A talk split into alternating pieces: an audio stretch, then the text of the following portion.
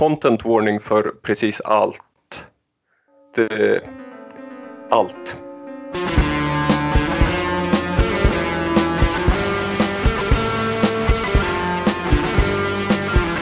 Hej och välkomna till Demonpodden. Podden där vi nu för tiden talar om filmer av kvinnliga filmskapare.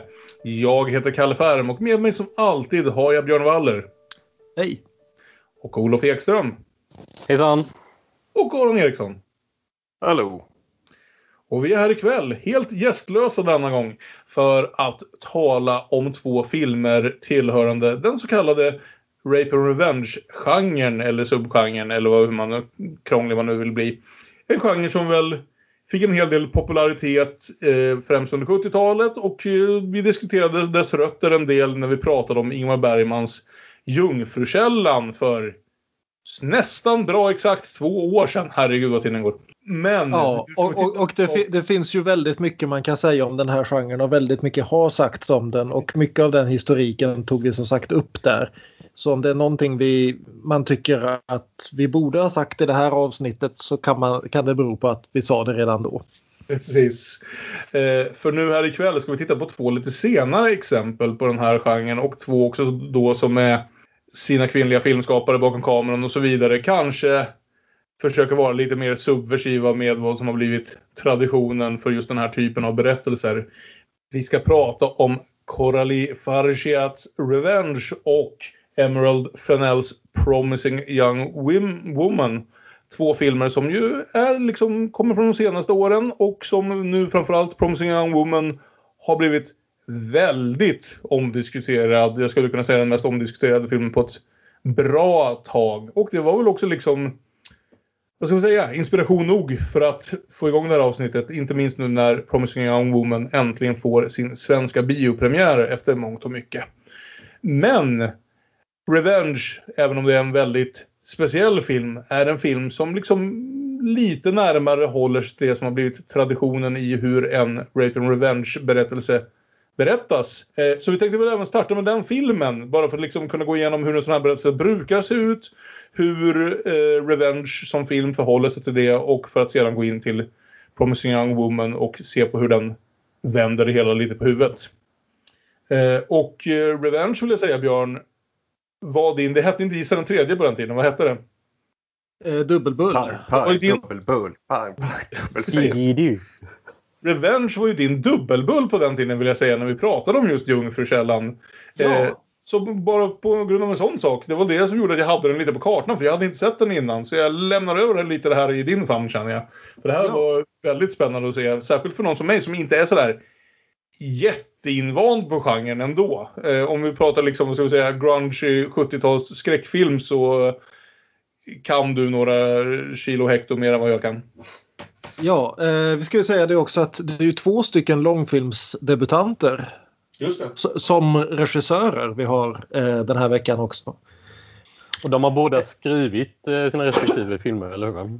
Exakt, det också. Och eh, just Revenge är ju då, som sagt, Coralie Farchat har gjort en del kortfilmer innan. Eh, jag har sett en som heter eh, Reality Plus. Som känns mer eller ja, som ett kortare Black Mirror-avsnitt.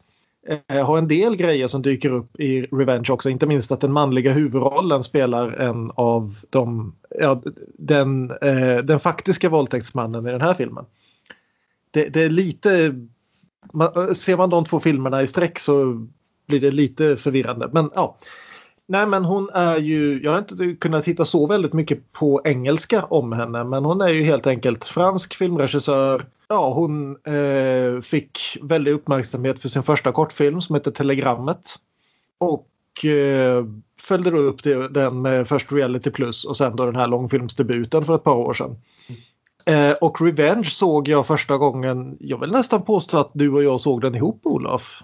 Vi såg den på bio vill jag minnas, på någon typ ja, förhandsvisning eller något sånt där kanske. Mm. Eh, om den ens hade vanlig biopremiär i Sverige, men det kanske den jag, jag, tror det var på Kulturhuset eller någonting vill jag säga. Ja, det låter bekant. Eh, som ju då är ganska lågbudgetfilm inspelad i Marocko. som hon själv säger att hon har inte sett många av de här klassiska liksom, eh, exploitationfilmerna från 70-talet och hon är inte så väldigt förtjust i skräckfilm överhuvudtaget. Utan det hon ville göra var helt enkelt att göra en remake på Rambo. ja. Mer eller mindre. Hon, hon nämner liksom... Det var intressant att höra. Det kan man ju i, i, och för sig tänka sig också. Det är inte så långt bort. Nej. Nej, Nej. För, för jag antar att hon, att hon menar First Blood då i första hand. Som ja, för, ja, måste det ju. Lite annan handling från de andra Rambo-filmerna. Alltså inte liksom Rambo som krigsmaskin som åker till eh, länder och dödar bruna människor. Nej, utan... inte, inte Rambo 3 i Afghanistan. Nej. Inte...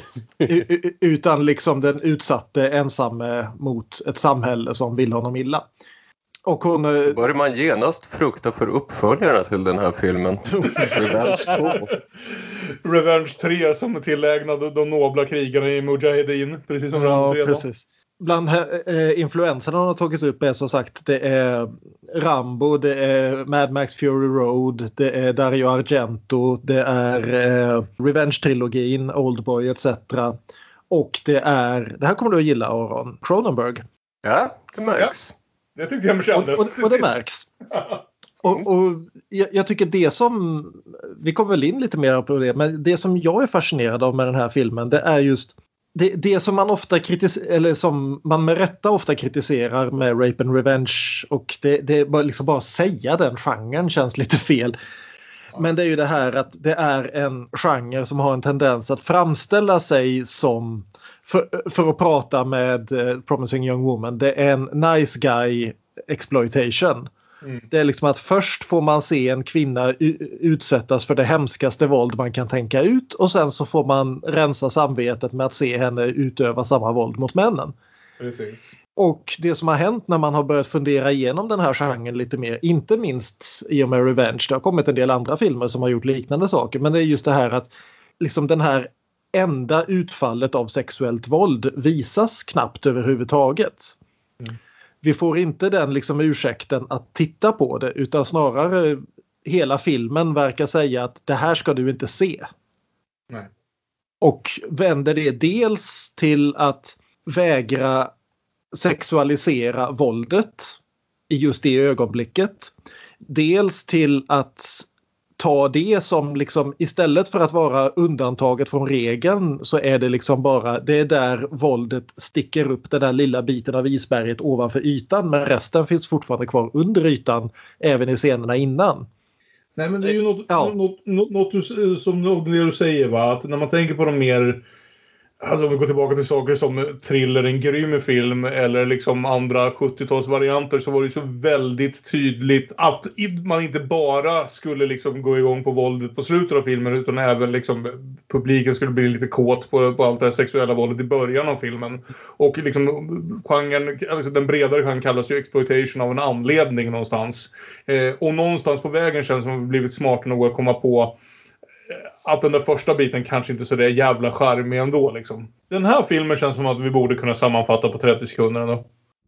Richard och Jen är ett par som färdas till Richards eh, jättefina villa mitt ute i öknen. Det vill säga han är gift och har fru och barn. Jen är inte frun. Hon är bra mycket yngre än vad han är. Men de ska ha det lite trevligt där. Så dyker två kompisar till Richard upp. Och så våldtar en av dem Jen. Och så bestämmer sig för Richard för att det enklaste av alltihopa det här är väl helt enkelt att ha ihjäl henne så att vi slipper ha några vittnen till det här lite oturliga översteget från hans bästa kompis sida. Det är bara det att hon dör ju inte. Utan hon återuppstår. Och plötsligt så är det de som är villebrådet det är ju verkligen den rakaste sammanfattningen av liksom hela den här genren någonstans. Det, liksom, på ett plott, på liksom ett handlingsplan är ju det här verkligen den mest nedskurna, raka revenge-film man kan tänka sig någonstans. Det är ju mm. exakt det ja, man föreställer sig. Det är så tydliga tre akter. De mm. sammanfaller med tre dagar. Ifall man råkar missa så får man ledtrådar. Solen går upp. Ny akt. Det är ju Ny jakt. väldigt håller sig inom eh, de berättarramarna. Men kramar åt lite extra, det blir lite saftigt. Det blir bra kött på det skelettet.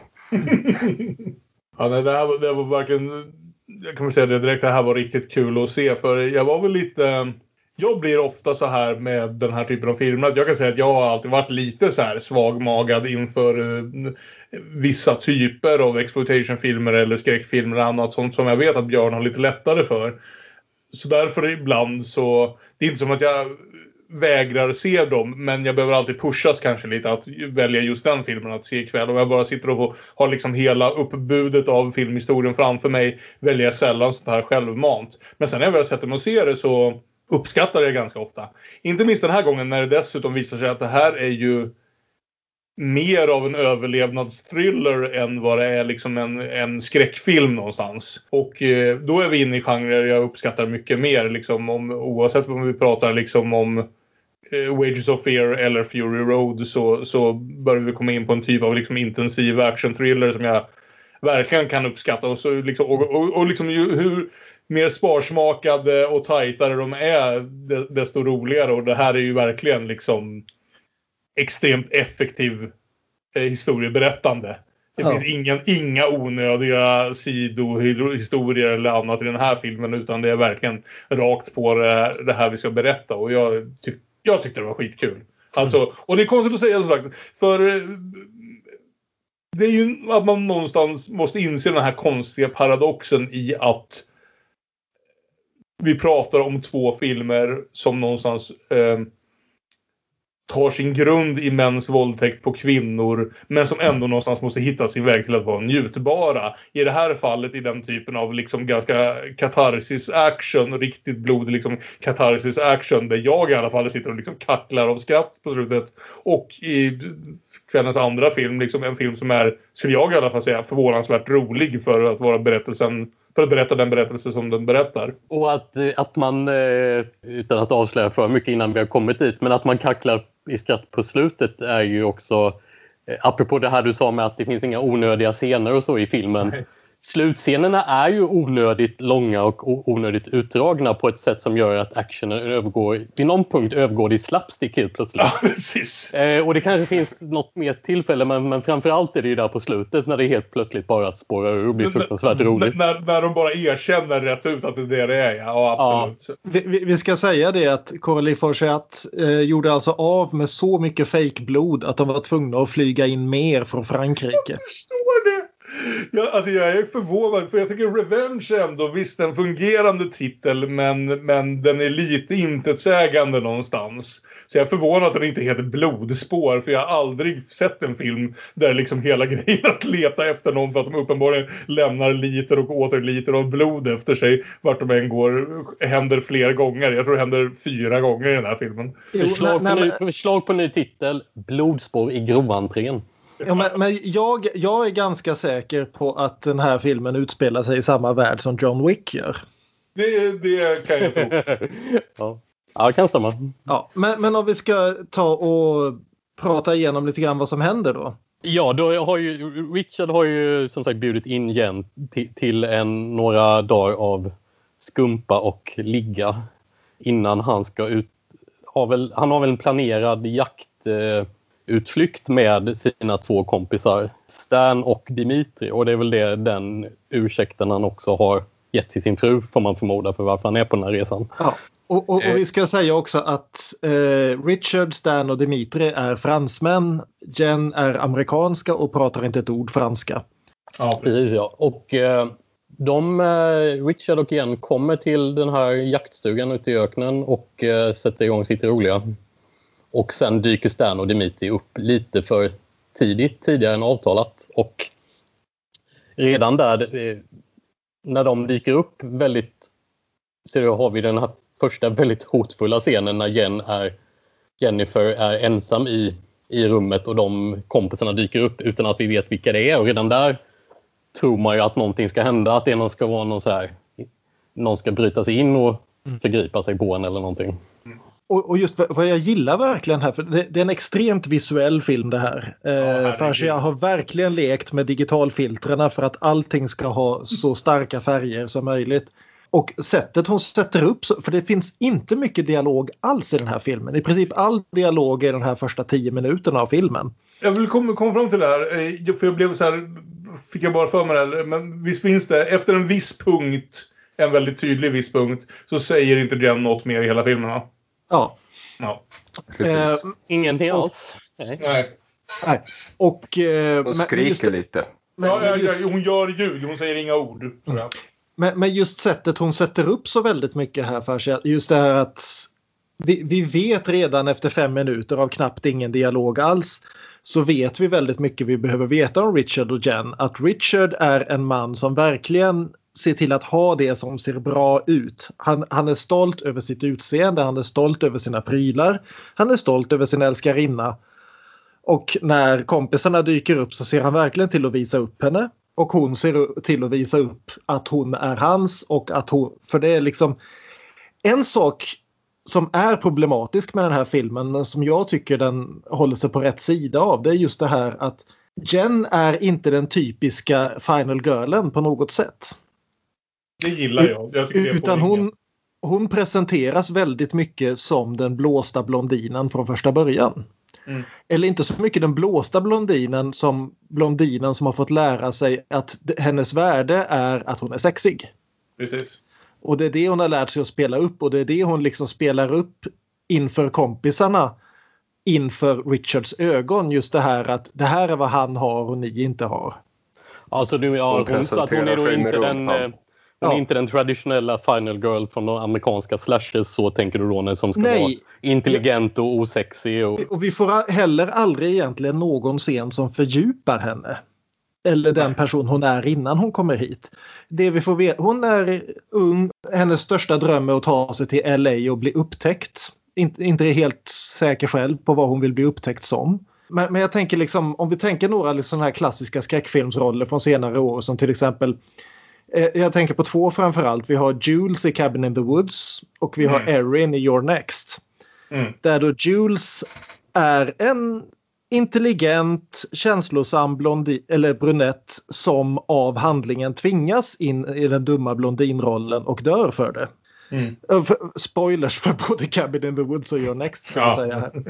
Medan Erin i Your Next är den här visar sig alla tror att hon bara är någons flickvän och det visar sig att hon är uppvuxen ute i outbacken och kan 10 000 olika sätt att döda andra varelser. Och vänder det mot skurkarna sådär. Och Jen är liksom ingen av de här två ytterpolerna utan hon- hon är bara en ganska liksom platt karaktär, en människa som bara knuffas in i ett läge där hon måste överleva. Mm. Och då blir fullständig överlevnadsmaskin. Vi, vi vet fortfarande inte efter, efter filmen speciellt mycket om henne. Nej.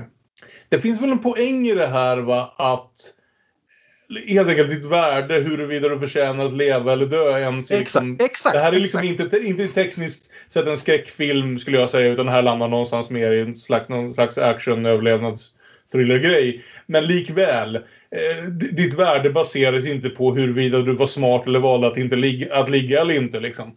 Utan eh, ingen, ska ingen oavsett vilket eh, liksom, ska, ska behandlas på det här viset utan eh, Mm. hon förtjänar att överleva vilket som. Och de här andra jävlarna förtjänar inte det på grund av hur de be- beter sig de första, vad det nu är, 20 minuterna, halvtimmen Ja. av filmen. Nej, nej precis. För, för just det, där sa du någonting perfekt Kalle. Just det här att, för det är ju också det här första som händer när efter att, för att hoppa fram lite grann, efter att de då tror sig ha dödat henne. Mm. Att Stan säger till Richard att du är ledsen att det gick som det gick med Jen och Richard som då bara några timmar se- tidigare har påstått att han älskar henne bara säger Jen, vem är det? Vad pratar du om? Mm. Förstår inte vad du snackar om. Det är inget som har hänt här. Hon, är så värdelös till och med för honom. Och ändå så blir hon liksom filmens centrum. Det är inte en ursäkt att någon in, liksom att vi inte har liksom någon scen där hon eh, pratar med sin mor eller där hon avslöjar att hon i själva verket älskar Dostojevskij eller vad fan du vill så, som man Exakt. brukar använda för att visa att en människa har ett större djup. Nej. Nej, filmen lyckas ju väldigt bra med, med, enkla medel att få oss att eh, känna väldigt starkt för igen. I och för sig gör den ju det delvis genom att eh, männen är sådana rövhål så att man har ingen annanstans att ta vägen. eh, men men eh, det krävs ju inte så, så, eh, så mycket mer än att visa att, att, eh, att eh, hon har ett värde som ni säger. För, för, att ta oss lite grann framåt i handlingen. Som sagt, första kvällen efter att kompisarna har kommit, det festas rätt rejält. Jen försöker prata om vad hon vill och de bara skrattar bort det därför att de inte är intresserade av vad hon har mellan öronen överhuvudtaget. Och hon svarar då med att spela den rollen som Richard vill att hon ska spela som god flickvän. Och nästa morgon så har Richard då åkt iväg för att fixa jaktlicenser och Stan blir väldigt, väldigt creepy. Jag gillar hur de spelar det här just det här väldigt nervösa leendet som hon får. Det här som liksom kvinnor får lära sig att när män är creepy då, då ler du och skrattar bort det. Hon är extremt jävla bra i den här scenen. Alltså, ja. eller, alltså generellt, men just den här scenen tänker man verkligen på det. Och vi har haft hela den här alkoholdränkta kvällen innan där man hela tiden Eftersom man redan, även om man ser filmen för första gången så vet man ju vid det här laget lite vilken typ av film det är och man tänker hela tiden att någonting ska hända under det här festandet och det gör inte det. Man, man, man, tvingas eh, sitta och vänta till, till morgonen efter där då alla har nyktrat till, inklusive Stan är spiknykter och, man, och borde ännu mer veta vad det är han håller på med och då kommer det riktigt creepy sidan av honom fram. Men på något sätt blir det... Ja, det är en väldigt bra poäng det där. Mm. Att, eh, att de väntar till morgonen efter och att det inte är en fyllig grej. Filmen kanske tar en liten risk på så sätt att genom att våldtäkten utspelar sig när alla är nyktra så, så, så, så kan det vara en risk att ja, men, när alla är nyktra så är det en riktig våldtäkt eller sådär. Den här diskussionen om att, om att man typ har ett ansvar för att om, om någonting händer när man är full så har man en del i ansvaret och sådär. Hela, hela, hela den diskussionen som en del kvinnor kan få höra. Det kan ju mm. vara, det kan ju vara en risk tänker jag, som, som filmen tar genom att de, de förlägger det sexuella våldet på det här sättet. Men det viftar ju filmen ganska lätt bort genom att det är så tydligt ja. vem som är obehaglig, vem mm. som gör fel och, och hela hennes reaktion på det vad det handlar om här är... Olof gör en toppenpoäng och sen problematiserar han den direkt. He's on fire. Ja men alltså men så här är det, ja precis. Jag tycker att då kommer vi närmare det här eh, som vi kommer se i film nummer två om just vad som händer när våldtäkter sker under liksom festtillfällen och alkohol och när, med kvinnor som knappt kanske vet riktigt vad det är som sker dem. Nämligen att då hade inte den här berättelsen kunnat bli så direkt. Då hade inte de nästa stegen varit de samma. Mm. Om det hade funnits liksom ett, ett, ett alkoholens skimmer över det hela och nästan liksom ett behov av att lista ut vad fan var det, är det egentligen som har hänt här och så vidare. Va?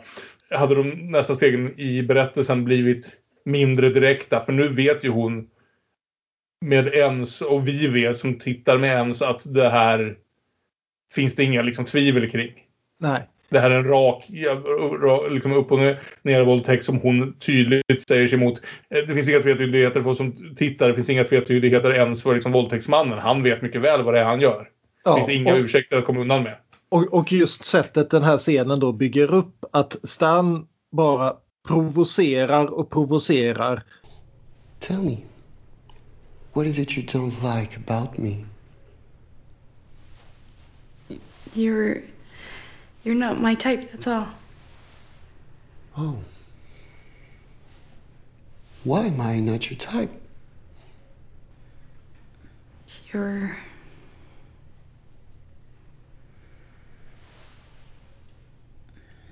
You're too small. Oh.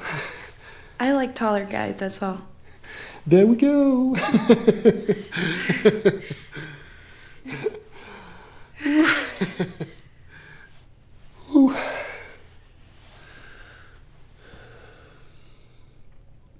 But I haven't changed height since yesterday, have I?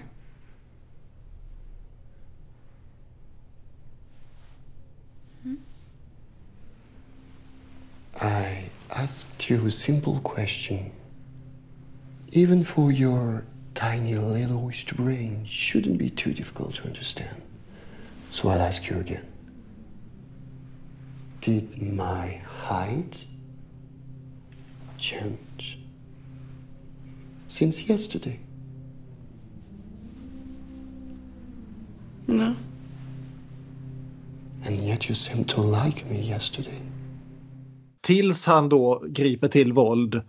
Mm. Och just när han då ska faktiskt påbörja den här våldtäkten så öppnas då dörren och där står Dimitri och tittar länge på dem. Och Jen säger ingenting men verkligen ber honom med ögonen att snälla gör någonting. Mm. Och han bara vänder på klacken, går ut i vardagsrummet och sätter på tvn.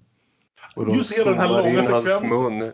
Och de zoomar in hans mun hur han tuggar i sig snacks. Väldigt påminnande om Twin Peaks där eh, Ja, Chuck, exakt. de ja. tre bröderna. Bite the bullet baby, bite the bullet. Samma Ja, närbild på munnen. Väldigt Ja. exakt. Ja, Ja. det, är ett, det, är ett, det är en insats, intressant sätt att visa hur äcklig även Dimitri är då trots att han inte gör något i... Mm. Nej, exakt. Och Han- Dimitri, ja. Dimitri, Det får ju spela, han tittar bort. Dimitri får ju spela alla de här manliga kompisarna. För Dimitri gör ju... För Han gör ju en på sätt och vis ingenting. filmen ingenting Men- aktivt i våldet. Utan han får ju liksom representera alla manliga kompisar som har valt att se åt sidan Ja. när, en, när en, liksom en kompis gör någonting äckligt. Mm. Eh, och så, här. så han går ut i vardagsrummet först, men då hör han fortfarande ljuden av vad det är som pågår. Så då tar han det väldigt medvetna beslutet att försöka stänga av sig från det här ytterligare lite mer genom att liksom sätta på Formel 1 på TVn. Med att låta alla Och- motorljuden dränka ut det som faktiskt pågår. Liksom. Och sen går han ut och hoppar i den här poolen som kommer att återkomma lite symboliskt om och om igen i filmen. För de har ju en, Richard har ju en stor vacker pool mitt i öknen där. Eh, Det här att du säger att det är Richards hus. Mm. Sägs det? För jag har tänkt att det är ett Airbnb och att det kommer att vara väldigt jobbigt för ägarna att komma hem. det blir en stjärna på... ja. Det, Exakt. kan, det, det som åtminstone antyds är väl att de har varit där tidigare tillsammans men, men det, det, det är inte solklart att det är att huset tillhör Richard i och för sig. Nej, det kan ju varit ett, en, ja, han gillar ju att skryta med hur rik han är så han har säkert köpt det här huset i Marocko. Och å Ja, andra sidan har han också en privat helikopterpilot på konstant standby. Det är ju faktiskt en, en snygg detalj Ja. då, som, som, som får en, en fin payoff senare. Som Eh. inte får den payoff man väntar sig. Nej. För piloten ger Richard lite peyote när de först stiger av i första scenen. Och här på festen så tycker kompisarna wow, fuck yeah. Och Richard håller ett långt tal om hur man inte blandar peyote och vapen. Det var den här polske killen som gjorde det misstaget och han bara såg av sig benet och förblödde. Inte en droppe blod kvar i kroppen när han dog. Och man tänkte direkt Tjechovs peyote. Men det är inte riktigt var peyoten hamnar. Nej, utan Jen får bli tillsagd att se till att göra sig av med den här och hon stoppar den i en berlock hon har om halsen. Men hur som helst så för att komma framåt här. Eh, Richard kommer tillbaka. Stan förvarnar om vi har lite problem och Jen ligger inne i sängen naturligtvis helt förtvivlad och vill bara åka hem. Eh, Richard erbjuder sig att ge henne pengar, ge henne ett jobb, lite allt möjligt underförstått bara du håller käften om vad som har hänt här. Och det löftet varken vill eller kan hon ge honom i den liksom, sinnesstämning hon är i. Hon vill bara bort. Hon vill liksom bara att det här inte ska ha hänt. Mm. Och det slutar med att han lackar ur. Han kör den här klassiska, men du vet ju hur vacker du är. Det fattar du att ingen karl kan motstå dig. Jag känner att jag tror att det finns en lite djupare besvikelse här också. För jag vet jag, jag funderar lite på det här hur, hur starkt Jen tror att det här förhållandet har varit fram till den här punkten. För om det är Mm. någonstans där liksom hennes faktiska pojkvän, om man nu så vill, även om han är gift, eh, visar liksom sina sanna kort så är det ju här. Ja. Så kan det ju mycket väl vara. Även om Att hon, smällen hon, blir hon, då måste hårdare att hon inte riktigt var med på något, att hon faktiskt trodde att hon var älskad i det här förhållandet. Och, och så att hon tvingas uppleva att han på två sekunder själv, självklart utan någon tvekan väljer sin kompis framför henne. Så, Precis. så är det en... Och när han då ot, liksom otvetydigt tar deras sida då till slut så återstår ju inte annat än att speciellt när han då ger henne en ganska rak högerkrok. Att det som återstår är att hon, hon springer för livet helt enkelt. Grabbarna efter, ut genom öknen och springer ett antal hundra meter tills de kommer fram till en klippkant. Richard försöker lugna ner henne och just när han nästan har lyckats så kliver han helt enkelt fram, ger henne en rejäl knuff och hon faller 30 meter rakt ner och blir spetsad på ett träd. I vilken som helst annan film är hon ju död vid det här laget. Liksom, det skulle ju duga som en fredag, fredagen den 13 död. Så, Men- som, sagt, men- som sagt, det här utspelar sig i John Wick-verse. Men First Blood. Men First hon Blood. hänger ju med armarna på ett visst sätt som vi sammanknippar med vad? Återuppståndelse. Jesus Kristus, vår frälsare. Eller Sylvester Stallone i First Blood.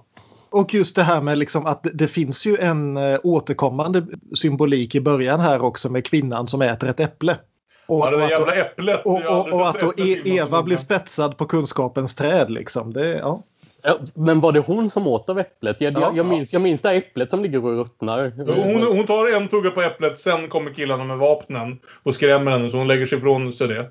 Det kan mycket väl ha varit så att det var Adam som åt av äpplet och sen skyllde på Eva. Det, det bara kom inte med i Bibeln tror jag. Så grabbarna går tillbaka till huset. Stan är väl lite freakad men Richard lugnar ner honom som sagt med att vadå Jen, vem pratar du om? Ja, ingenting har hänt. Bränner, bränner alla hennes kläder och tillhörigheter. Och det är just det här liksom, hon har tidigare haft på sig en topp där det står I love LA och den brinner upp väldigt symboliskt. Alla drömmar bränns. Hur hon filmar eld, Ja. jag, jag tror att hon eh, gillar David Lynch också. Och, och överhuvudtaget filmar detaljer. För som sagt, vi har sett det här äpplet ruttna i detalj. Och nu får vi se en stackars myra som blir ett offer för allt det här som pågår runt om dem. Ja. I den här mest fascinerande jävla serien. Där en extremt liksom inzoomat på en myra som täcker hela hela, fyller hela bildrutan och som dränks i blodet som droppar från Jens spetsade kropp. Eh, det, det är fascinerande. Alltså, det är lite så här. Det är nästan så jag tänker det här vi pratade om, liksom första filmsvarning. På att vilja göra allt det man kan och oh, jag får använda en kamera, jag har massor med pengar och sådär. Alltså för, för hon tar ju verkligen ut svängarna i hur hon väljer att använda Ja. bildspråket ibland. Eh, men jag tycker ändå det funkar, det är ganska kul. Jo. Ja, Och hon lyckas då more. Och hon lyckas då med hjälp av en cigarettändare på något vis ta sig loss från det här trädet med en rejäl del av det kvar rakt genom kroppen ska man säga. Det är, det, vi ska, det är en extremt fysisk film det här. Inte bara, inte bara på grund av det här att det knappt är någon dialog i större delen av filmen utan just det här att den handlar så väldigt mycket om kroppen. Mm. Det- Den intellektualiserade genom liksom diverse metaforer och bild, bildsymbolik och så vidare. Men det är ändå fokus på liksom den här kroppsliga transformationen. Från sexobjekt... Ordet måste bli kött. Ja, precis. Precis, ja, men från sexobjekt till rent lidande till rovdjur. Det är i princip en enda lång varulvscen det här. Och filmen lyckas, lyckas också visa hur, hur eh, i, i vissa detaljer hur, jä- hur jävla jobbigt allting är. Nej, men liksom, Ja. som när hon har, den här tändaren hon behöver, hon har tappat den för långt bort så hon försöker använda typ sina iPod-lurar som någon lasso och fånga in den med och försöker igen och igen och det tar så, så lång tid och man får lite så här, vi, till, flashbacks till när vi skulle ladda geväret i Meeks Cut-Off eller någonting. Ja. Ja, men exakt. Ja, precis så. Precis. Så grabbarna kommer tillbaka, upptäcker att men hon är inte kvar där och det har brunnit runt trädet. Ja, det där kan inte en coyote ha gjort liksom. Det är sällan coyotes röker. Och då får Stan ett samvete. Ja, och han, han vill liksom, men kan vi inte bara leta upp henne och köra henne till ett sjukhus? Nej, det kan vi inte göra. Vill du sp- spendera 15 år i fängelse? Nej, det vill ju inte Stan förstås. Så de bestämmer, ja, men vi är tre killar med motorfordon och eh, hagelbössor. Hon är en ensam kvinna med tarmarna halvvägs till knäna. Hur kan det här sluta? Ja. Så de ger sig helt enkelt ut på jakt. Och nu får vi typ den längsta bilden av ett blodspår jag någonsin har sett. Ja. Vilket ju som sagt är orsaken eh, till att jag tänker att blodspår kanske hade varit en mer passande titel. Och man undrar ju lite hur mycket blod hon har kvar i kroppen. Alltså det är ju någonstans, jag tycker nästan jag måste tänka att det är medvetet att vi ska tänka, jag säger inte att det är nödvändigtvis en övernaturlig film men... Men att det är medvetet överdrivet, ja. som- Men det gäller ju inte bara henne kanske i i den här filmen ut- utan eh, hon, hon, hon är ju eh, lite mer övermänsklig möjligen men, men, men eh, filmens inställning till eh, våldet som drabbar personerna är, är ju lite sån. Att, John Wick som sagt. Det Ja. Folk tål lite mer i actionfilm, det är ju en del av exploitationfilm. Det vore inget... eh, Ja. Det vore inte samma grej med actionfilm om folk dog precis lika lätt som i vanliga livet eller i alla fall reagerade på våld. Nej, men hur, hur kul hade Die Hard-filmerna om, om, om, varit om de hade varit eh, realistiska? Ja. Herregud. Vi, vi återkommer till Die Hard om en liten stund. Ja, precis. Men, men eh, grabbarna delar på sig. För de, har- de har följt blodspåren fram till floden som hon har klivit ner i för att avleda spåren. Och Richard och Dimitri åker åt varsitt håll medan Stan väljer att sitta kvar och vänta. Hon kanske kommer tillbaka. Hur, hur det nu går så måste Dimitri stanna och pissa efter en stund och då försöker Jen då överrumpla honom. Vilket går ungefär som man kan tänka sig att det går när en kvinna utan vapenträning ska överrum och som dessutom är svårt skadad ska överrumpla en man som väger tre gånger mer än vad hon gör. Och han filmen hade slutat här. Om inte Dimitri hade varit så jävla pigg på att skryta om vilken bra jägare han är.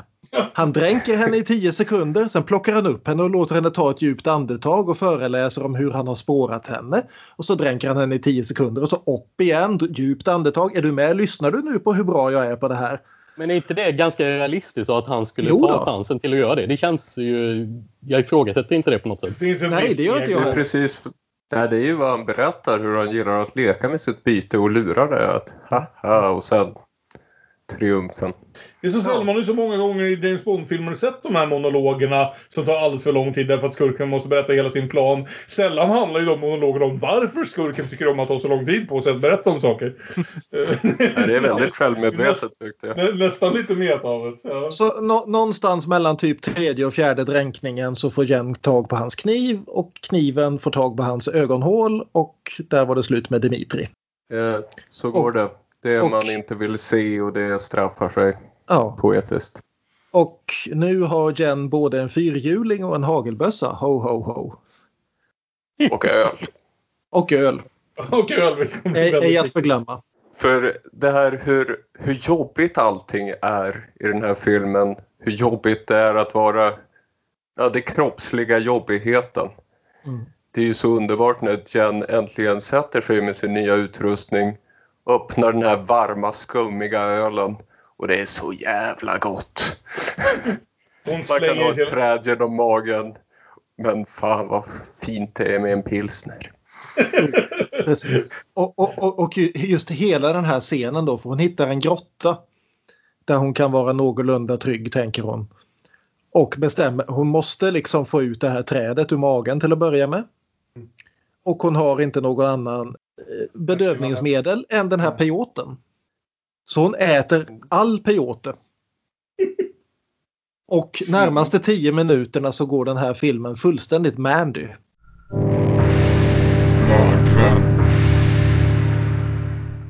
Ja. Där då Jen först karvar ut den här träbiten ur sin torso. I extrem närbild. Det är helt otroligt hur väl hon överlever allt det här ska vi säga. Ja. Som är som sagt John Wick Universe. Och, och åter. återförsluter såret genom att karva sönder ölburken. Hålla den över elden tills den blir kokhet. Och bränna bort såren på bägge sidor av kroppen.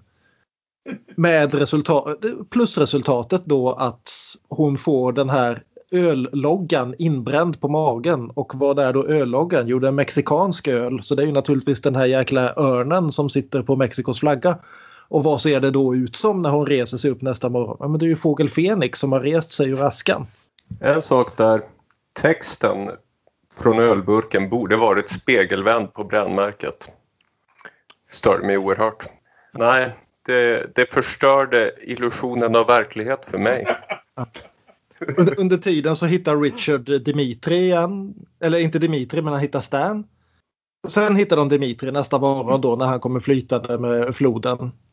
Och Stan flyr tillbaka in i den moderna bilen och vill bara sätta sig där och tänka att allting är normalt. Och Richard säger åt honom stäng av klimatanläggningen, du förstör miljön. Arrête la clim, ça pollue. Ja, för, för of course är Richard ja, som, som inte bryr sig om någon endaste människa i, i hela världen mer än sig själv. Men han, han, han bryr sig om miljön.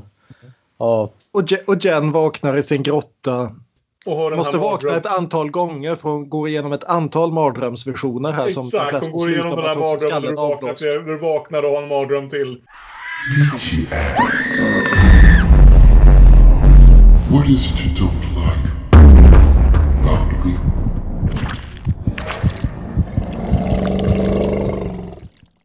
Det är ju det jävligaste som kan hända och här händer det bara det att eh, med tanke på hur hög hon är på piloten så är på något sätt drömmarna lite mer klara än vad det faktiskt är sen hon vaknar upp och knappt kan stå. Men, men i slutändan får vi då se den nya Jen som inte längre är blond eftersom håret är täckt i aska och blod. Som inte längre är så väldigt vacker eftersom hon är bränd och blodig hela kroppen och täckt i grus och lite allt möjligt. Men som nu plötsligt ser ut som ett livsfarligt djur. Harriet Andersson! Ja. Som Monica. Mm. Ja, nej, det är, det är jävligt häftigt här. Alltså, allt, allt det här är... Som sagt, det är, inte, det är inte den mest komplicerade historien någonsin, men det är väldigt väl genomfört oavsett vilken sida ölburken skulle ha hållits på. Jag gillar ju verkligen också det här valet, som sagt, att det blir en... Efter att de ändå snackar en del under den första halvtimmen så blir det en som nästan, nästan en stumfilm någonstans. För jag tror som sagt inte att Jen öppnar munnen igen efter att hon väl har spetsats på trädet. Jag tror aldrig hon säger något igen i hela filmen. Nej. Just det är ju något intressant därför Ja. att det är ju också en sån här dum kliché i de här klassiska rape and revenge-genren. Liksom att kvinnan är, förblir ett offer även när hon slår tillbaka. Mm. Eh, Det är ju liksom, det är ju någonting som kvinnorollerna där har, ofta har gemensamt med klassiska Final Girlsen. Liksom att du må överleva men du, hade, du önskar nog att du inte hade gjort det. Nej. Men nu har liksom Jen blivit något helt annat. Hon, är inte, hon har slutat vara offret helt enkelt. Hon har flippat fullständigt över till andra sidan. Mm. Om hon, och hon är inte längre samma person. Och det är liksom hela den här grejen naturligtvis med våldet som förvandlar kvinnor till något annat. Det är, det är en ganska dum kliché. Fast, våldet, fast våldet förändrade Rambo till någon helt annan Ja, också. Så precis. Det, Och- och jag det, tycker det, är en, det är en mänsklig klyscha. Det är, och jag jag Ja. menar, vad fan, människor, människor förändras av våld. Men du tänker på det här att hon återföds med till synes magiska vapenkrafter. Ja, för, för vad det är lite grann är ju en, en eh, superhjälteklyscha typ hade jag Ja. skrivit ner. Det är som en origin story i en superhjältehistoria. Att, att hon, hon blir någonting mer och någonting eh, starkare, större av det här våldet hon har utsatts för. Under tiden har Richard och Stan delat på sig igen med den fantastiska dialogen. Stan försö- han vill absolut ha Richard med sig så han säger men när man går vilse i skogen ska man inte dela på sig och Richard bara stirrar på dem och säger och är vi vilse i en skog eller? Varför snackar du om det här? No, no sir. Ja precis. Det är något så fantastiskt i det här att, eh, att, att jävla Stan, som ju någonstans ändå är våldtäktsmannen och liksom orsaken till allt det här, så snabbt visar sig vara liksom den lilla mesen vid sidan om. Han är inte huvudskurken. Han, han, han är den löjliga lilla kompanjonen allt väl kommer till krita liksom. Eh, Men så- det här är ju inte när saker kommer till kritan. Det här är vem han låtsas vara. Mm. I'm a nice guy. ja. Eh, hans krita är svart. Fast, fast också det här med att vi får, får veta nu, nu en bit in i filmen att han är väldigt mesig i förhållande till sina kompisar. Jag tänkte också att det gör våldtäktsscenen på något sätt i efterhand eh, ännu mer obehaglig om det är möjligt på så sätt att Jaha, så okej, så våldtog han henne för att typ visa sig lite styv då inför sina kompisar för att eh, han brukar vara så mesig och nu ska han visa att han kan minsann han också. Och det understryks väl av att när de då har delat på sig och ska ut och leta efter henne så väljer Stan att köra upp i bergen i sin bil. För det är ju där man letar efter vad man tror är en svårt sårad kvinna som senast sågs nere vid floden. Det är liksom, ja just det, hon kommer säkert att ge sig upp och klättra i berg. Nu gör hon ju faktiskt det. Eh, för hon har ju både kikare och eldvapen nu. Just det här, han måste stanna och tanka. Hon har honom i siktet. Exakt. Hur effektivt är det här med kikarsikte på en hagelbössa? Och det är därför kanske hon inte prickar så väl som hon kanske borde heller. Dels, dels det och som sagt hon prövar sig ju fram här. Så fort hon fyrar av geväret för första gången så kastas hon ju omkull av rekylen. Hon är inte alls van att skjuta med stora hagelbössor. Och då missar hon ju skallen och istället tar bort en del av axeln på honom. Så han springer för livet. Tappar kängan. Nej, eh, han tar av sig kängan för att ha, kunna knyta strumpan om den skadskjutna axeln. Så är det. Eh, han, gö- han gömmer sig så att hon springer förbi honom och sen så tror han att han följer efter henne. Hon råkar dänga kikaren i ett klipputsprång och han kliver rakt på den här trasiga linsen och nu snackar vi Die Hard. Ja, jävlar i mig. Men, eller... Alltså den här scenen är om? Vi typ snackar tre, persona. Den här scenen är typ tre minuter lång där han då sitter och gräver i sin sönderskurna fot för att få ut glaset. Ja, fy fan vad äckligt det är. Oh! jag måste säga det här dock. Och jag säger att det här är lite för omöjligt smart, men det är väldigt John Wick. Hon väldigt medvetet dänger f- ficklampan i klippan. För just den här anledningen. Ja, fy fan den här jävla foten alltså. Och så Ja. länge som han sitter. Och det, är, ja, det, är stor, det är stor komedi om man har mage för det. För jävlar vad kul jag har det här. Och vad, Alltså, som, när- och vad som händer nu är ju då att Stan som är högerhänt kan inte skjuta med geväret. Han, han är, har skadat axeln. Han kan inte köra bil för att han har skadat sin eh, fot. Så han kan inte trycka ner pedalerna. Och, och allting blir extremt, extremt kroppsligt igen. Ja, precis. Ha- han lyckas skjuta henne så att halva örat ryker och ett av de här, hon har ju de här örhängena på sig genom hela filmen. Som ofta är det enda man ser av henne i de mörkare scenerna därför att hon är bara en sotig mörk skugga men så har hon de här väldigt starkt lysande röda stjärnformade ör- örhängena. Så ett av de här skjuts av tillsammans med halva örat. Han tar sig tillbaka till bilen och lyckas efter ett antal försök trampa ner gaspedalen. Och det visar sig återigen att det är en väldigt dålig idé att köra rakt emot någon som håller i en hagelbössa.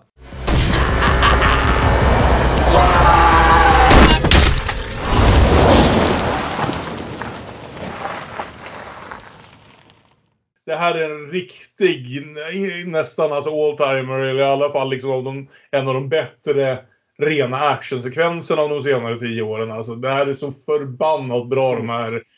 Liksom oavsett filmer runt om nästan. Som ren spänningssekvens och hela den här bergsekvensen är jag...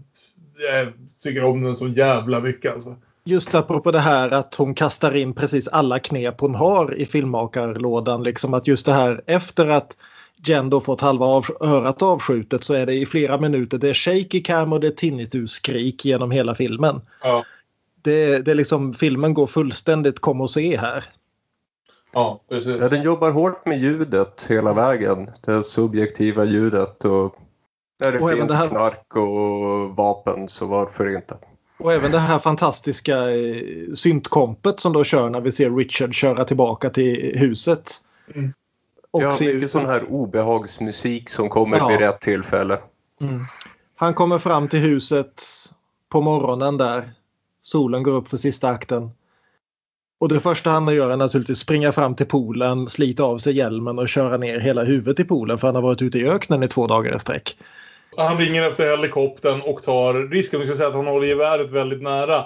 Men han passar ändå på att försöka ta sig en dusch för han tänker att det här kanske är över nu. Han vet nog att hans kompanjoner är döda men han gissar att så kanske hon är också för hon är allvarligt skadad och själv ute i öknen. Så ja, han tar risken med geväret inom handhåll att eh, eh, ställa sig och ta en dusch innan helikoptern kommer för att plocka upp honom. Och Men just det här när han sätter sig i soffan och bara hur han sjunker ner. Mm. Han tycker så oerhört synd om sig själv. Varför skulle det här drabba mig?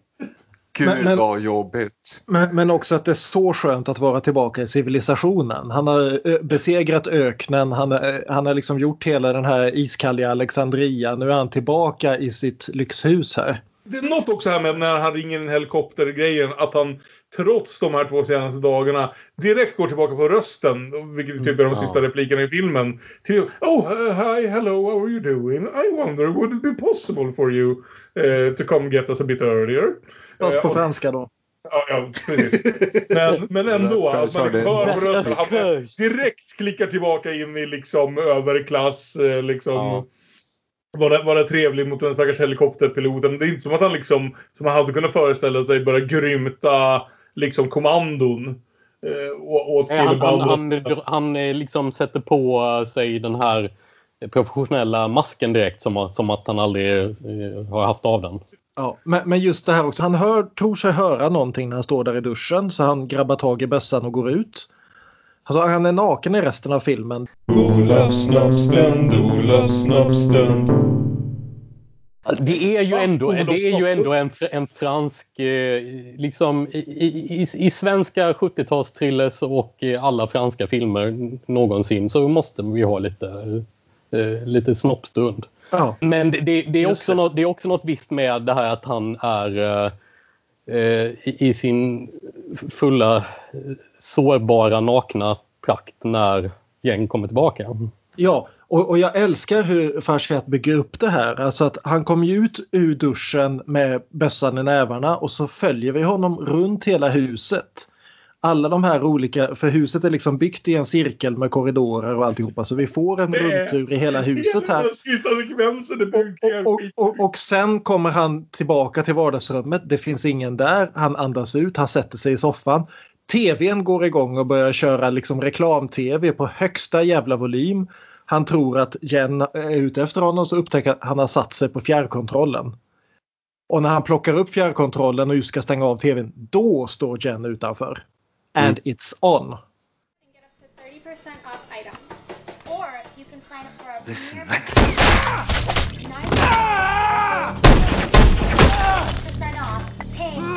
prices. Jag älskar den här jävla sekvensen. Och det återstår nu rent, alltså nästan alltså, 10 ja. minuter av filmen. Ja. Som Ja. bara är de två som springer runt och skjuter på varandra medan blodet från båda två stänker över väggarna genom den här liksom Och bokstavligt talat. Alltså, jag tänker tillbaka på sådana här saker. Jag menar, alla som lyssnar på den här podden känner ju min syster Ellen någorlunda. Och jag minns det här faktum, glädjen i att vår farmor hade en lägenhet där man kunde springa runt, runt, runt. För det var fyra rum med liksom dörrar som connectade. Så att man kunde springa runt, runt, runt, runt och jaga varann. För det hade inte vårt hus.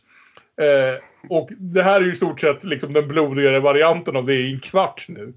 Och, och också det som jag pratade lite om i början, att om, om den här sekvensen i, i bergen var en eh, klockren stilfull actionsekvens så det här vi får på slutet är ju jag älskar hur det inte alls är en upprepning av det som hände uppe i bergen utan det är någonting som börjar som en actionsekvens och ganska snabbt blir så absurt att det bara blir slapstick Ja, av det hela. Och det hela slutar i alla fall med att Jen blåser skallen av honom. Efter en sista liksom ja, knytnävsfight. Alltså vi ska ju säga att det som händer är att hon direkt i början eh, lyckas skjuta honom i magen. Ja. Ungefär ett liknande sår som han har gett henne Mm. rätt genom torso.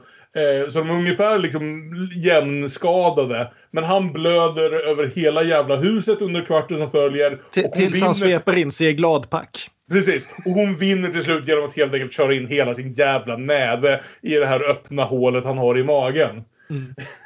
Och, och, och när, när han då Long skriker till lyckas hon få, få tag på bössan och sätta i bröstet på honom och kaboom. Och se, men sen, det är inte slutet på filmen. För hon stapplar då ut ur, eller hon stapplar inte ens utan hon går ut ur huset täckt i Och hon blod. halkar och så- runt i blodet. Ja, precis. Det är så roligt. Och det, det gjorde tydligen skådespelarna på riktigt också för det var så mycket blod att folk höll på att göra sig riktigt illa. Hon går då ut mot poolen. Vi hör helikoptern komma och närma sig. Och hon hoppar inte i poolen. Det här är, tycker jag, det är liksom... För, för den här poolen, både Dimitri och eh, eh, Richard har använt den här som liksom reningsbad. Hon väljer att inte hoppa i poolen. Hon är den här personen nu. Hon ska inte tvätta bort det. Men jag gillar just den här bilden av den här sotiga, blodiga kvinnan som har besegrat alla. Står där, vänder sig om och stirrar rakt in i kameran och där slutar filmen. Det- det- det- jävla resa det här. Det, det finns liksom ingen antydan i slutet att hon tänker gå tillbaka till att vara den hon var innan. Nej. Äh, fy fan, som sagt, en jävla resa. Jag var jätteglad att det här visade sig vara mer av liksom en action-thriller än en regelrätt skräckfilm. För jag hade jättekul med det. Det är lättare för mig att... Ja, det är bara lättare för mig att connecta med det. Det ligger närmare mig som, som genre och... Ja, fy fan, när den här filmen sätter igång på riktigt så, så hade jag så himla kul med den. Jo, det är, det är mycket blod och det är ett antal bortskjutna kroppsdelar och så vidare. Sen så kommer vi att ha en del diskussioner om nästa film som gör att vi kan problematisera det här lite grann. Men det är, det är just den här det som jag tycker den här filmen gör så rätt, just sättet den låter Jen ta fullständig kontroll, inte bara över våldet utan också över historien. På ett sätt som kanske är lite för tillfredsställande men ofta i de här filmerna så är det den här idén om att kvinnor ska inte vara monstruösa. Och att hon får bli denna hämnande ängel som hon blir och att vara den personen och inte få det nullifierat i slutändan. Nej, precis. Och att filmen inte liksom väljer att ja, men vad hände med den oskyldiga flickan som älskade Dostojevskij? Ja, men... Har du sett den här förut? Nej, jag hade inte sett den. Och, eh, och det var ju jävligt festligt. Jag kände att det skulle passa, passa som sagt in Cronenberg-sida ganska väl där. Särskilt när, när fotscenen börjar komma. Ja, redan innan dess. Piotr-sekvensen. Ja, där eh, när hon eh, ska få ut trädet ur magen. Jag vet inte om det är de mest realistiska köttstycken hon har till mage. Men... Alltså definitivt inte. Hon skulle ju varit död men... i verkligheten. Ja, men alltså själva mm. maken också. Det, det, det, såg ju mer ut som en Cronenberg-film än... Uh, ja. ja. Det, det, kunde gjorts mer realistiskt men det hade jag nog inte gillat lika mycket. Realism är ju som vi vet ganska överskattat. I alla fall i vissa typer av film. Jag brukar driva den tesen, ja. Nej, men vad kul. Alltså jätteroligt att se riktigt, ett riktigt bra exempel på den här genren. Och särskilt nu när, hur det för oss in i diskussionen om den här andra filmen. Som vi kommer prata om efter pausen.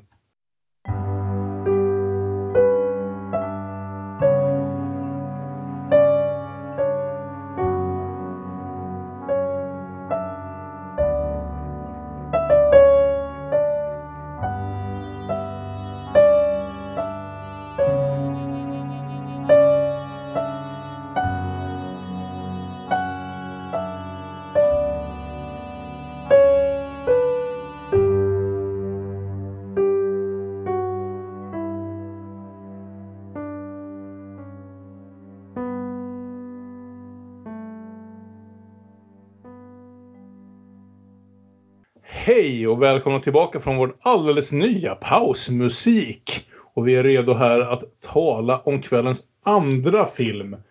Emerald Fennells Promising Young Woman. Som jag har sagt några gånger, kanske årets mest omdiskuterade film och en film som har uppskattats väldigt mycket i vissa kretsar. Inte minst eh, ett antal Oscarsnomineringar och sånt där. Och blivit eh, sågad jäms med fotknölarna i andra kretsar. Vi får väl se vart vi landar jag vet inte vart riktigt vart 17 vi ska börja här. Emerald Fennell är ju en person som har synts kanske framförallt som skådis tidigare samtidigt som hon har gjort en del, vad heter det, framförallt manusarbete på lite tv-serier och annat. Hon eh, gjorde ju säsong två av Killing Eve till exempel. Hon, hon, hon var till och med showrunner där va? Var det så att ja, hon, vad, vad, vad, vad heter hon, Fleabag lämnade efter säsong ett och lämnade över? Ja. Nu ska du inte komma här och dissa folk som heter Waller. Phoebe Waller-Bridge heter hon. Förlåt, ja. Jag bara glömde hennes namn i, i förbifarten och råkade kalla henne för Fleabag. Inte för att men, jag menade inte det som en diss på något sätt. Det lät kanske som att det var ett väldigt hårt smeknamn. Nej, det är väl högt beröm att kalla någon Fleabag. Ja. Och eh, Fröken Waller var ju också med i hennes första kortfilm. För alla de som följer populära Netflix-serier som dyker upp till höger och vänster så spelar hon ju nu för tiden eh, Camilla Parker Bowles på The Crown, nu när The Crown har kommit fram till 80-talet. Så hon är ju en aktiv eh, skådis och manusförfattare, men det är hennes regidebut. Där hon som sagt både har skrivit, regisserat och gör en ganska rolig cameo som vi kommer fram till om en liten stund. Jag kommer att se på Camilla med helt nya ögon i framtiden. om de inte byter skådis innan säsong 5, vilket risken finns. Känner du?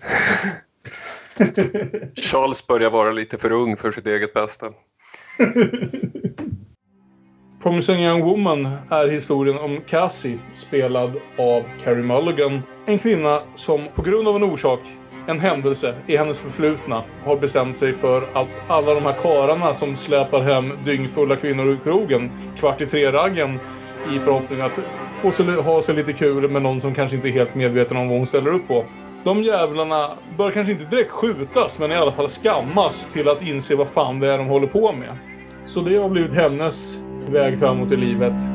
Att låtsas vara jättefull, låta sig släppas hem av en tveksam kar bara för att sen eh, visa sig inte alls vara särskilt full och eh, få dem att eh, skämmas ögonen ur sig och inse att riktigt så här jävla lätt ska det inte vara för er att göra precis vad ni känner för.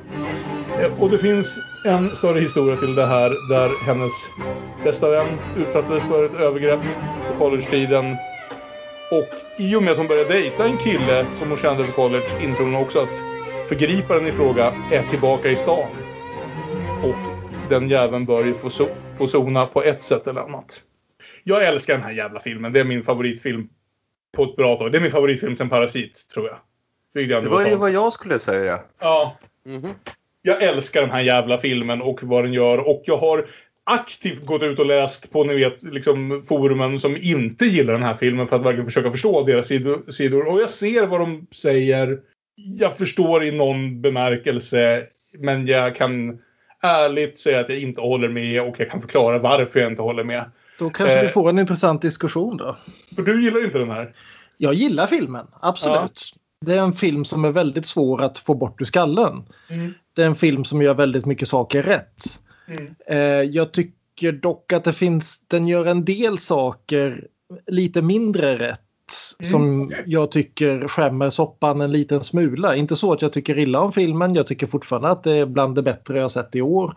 Mm. Men ett fullständigt mästerverk tycker jag absolut inte den är. Nej, men intressant. Eh, Det är absolut en spännande diskussion att ha. Jag ska säga, jag behövde se, jag såg den för, inför Oscarsgalan och eh, nu har jag sett den två gånger för, på mindre än en månad för jag kände att jag behövde se om den och med vetskapen om vad som händer i filmen för att se om det håller för en andra tittning och för mig gjorde det absolut det. Vart landar du Olof någonstans? Det skulle nog vara intressant att se om den. Jag hade gärna sett den två gånger om jag hade hunnit. Eh, för som du säger att veta redan från början hur det kommer att sluta.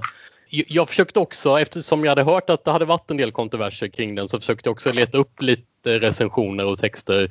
Eh, Så jag läste några grejer i alla fall från folk som hade varit negativa och, och eh, Alltså min, min första känsla när jag såg filmen var mestadels positiv tycker jag. Mm.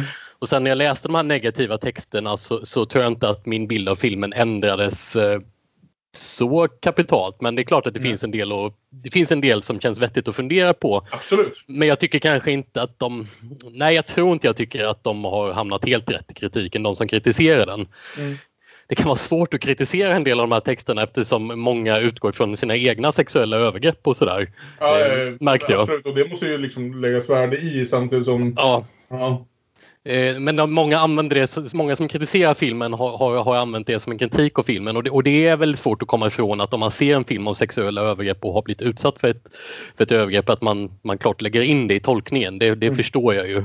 Ja. Sen vet jag inte om det är den filmen jag hade röstat på om jag hade suttit i Oscarsjuryn som bästa film. Det är möjligt att jag hade röstat på The Father. Det är de två för mig också. det säga. Jag ska säga, Eh, det, det finns ju också en... Förutom den här stora kontroversen som Kalle nämnde så har det varit en lite mindre kontrovers, kontrovers den här filmen upptäckte. Mm. Eh, Någon större amerikansk filmkritiker hade, hade gått ut och eh, anklagat eh, huvudrollsinnehavaren för att inte vara tillräckligt eh, sexig för rollen. Det var, det var inte riktigt vad, det var väl i Nej, Variety, jag kan, tror jag kan pro- pro- problematisera det lite. Alltså, det, det, Ja. det, det handlar ju om att hon klär upp sig väldigt eh, sådär utmanande sexigt för att fånga de här eh, snälla killarna som hon vill ställa mot väggen. Och, och hon klär ju sig, som jag uppfattar det, på, på ett medvetet utmanande sätt som ska fånga de här, eh, deras uppmärksamhet. Och jag tycker filmen gör det helt rätt. Och den här, den här journalisten fick ju det till att eh, Nej men det är väl ingen som skulle köpa den här eh, utklädnaden. Det ser mest ut som falsk dragshow ungefär. Vem, vem, vem skulle tycka att, att vem skulle gå hem med den här tjejen? Lite den känslan. Ja, precis. precis. Och, och det, det knyter ju an ganska bra till filmens... En kritik jag sett mot filmen som jag inte riktigt håller med om även om jag kan tycka att det, den är värd att ta upp. Nämligen just det här att den här filmen är ungefär lika subtil som, ja vad ska man säga, en tegelsten. Ja, som, nej, som man väljer att dunka huvudet i. Och det är ju Eh, men, meningen och den, den, den kritiken har ju uppenbart inte fattat det. Nej. Eh, och Eh. för att när han fick en massa mothugg på detta gick han ju också ut och, och skrev en, en försvarsartikel såg jag där, det, där han skrev Jag är en 60-årig bög. Jag går minsann inte runt och tänker på vilka kvin, unga kvinnliga skådespelare som är sexiga eller inte. Bara, man tänker, sluta, sluta försvara dig. Men, men just det här att filmen liksom, de poänger den gör, den gör den väldigt tydligt. Men den gör det med poängen att Ja men varför ska vi inte prata klichéer när det är samma klichéer som alltid diskuteras i verkligheten runt det här? Precis. Ja. Var, varför, varför ska vi låta liksom våra karaktärer säga saker som framstår som mer intressanta än de klichéer vi har hört 10 000 gånger när vi hör de här klichéerna varje gång? Det är liksom, om den här filmen hade handlat om skolskjutningar så hade den låtit hälften av alla karaktärer säga My thoughts and prayers are with you. Därför att det är det man säger.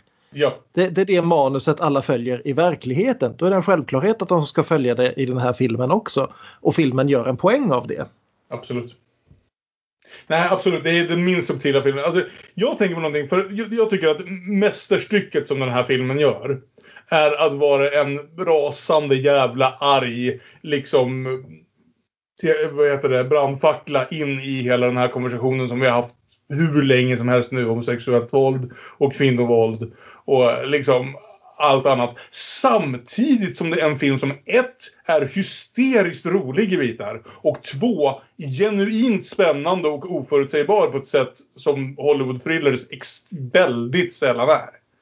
Och jag tycker att den på något sätt lyckas med alla de här tre sakerna. Och då släpper den subtilitet åt sidan vid något läge, absolut. Det gör A Clockwork Orange också. Och för mig så spelar det väldigt lite roll i det sammanhanget. Det finns definitivt mer mångfacetterade, omtänksamma, liksom realistiska bilder av, av det här samhället vi lever i och hur det behandlar kvinnor. Och det är bra för de filmerna, men det är inte den här filmen. En film kan inte vara alla filmer. Den här filmen väljer väldigt tydligt sin väg.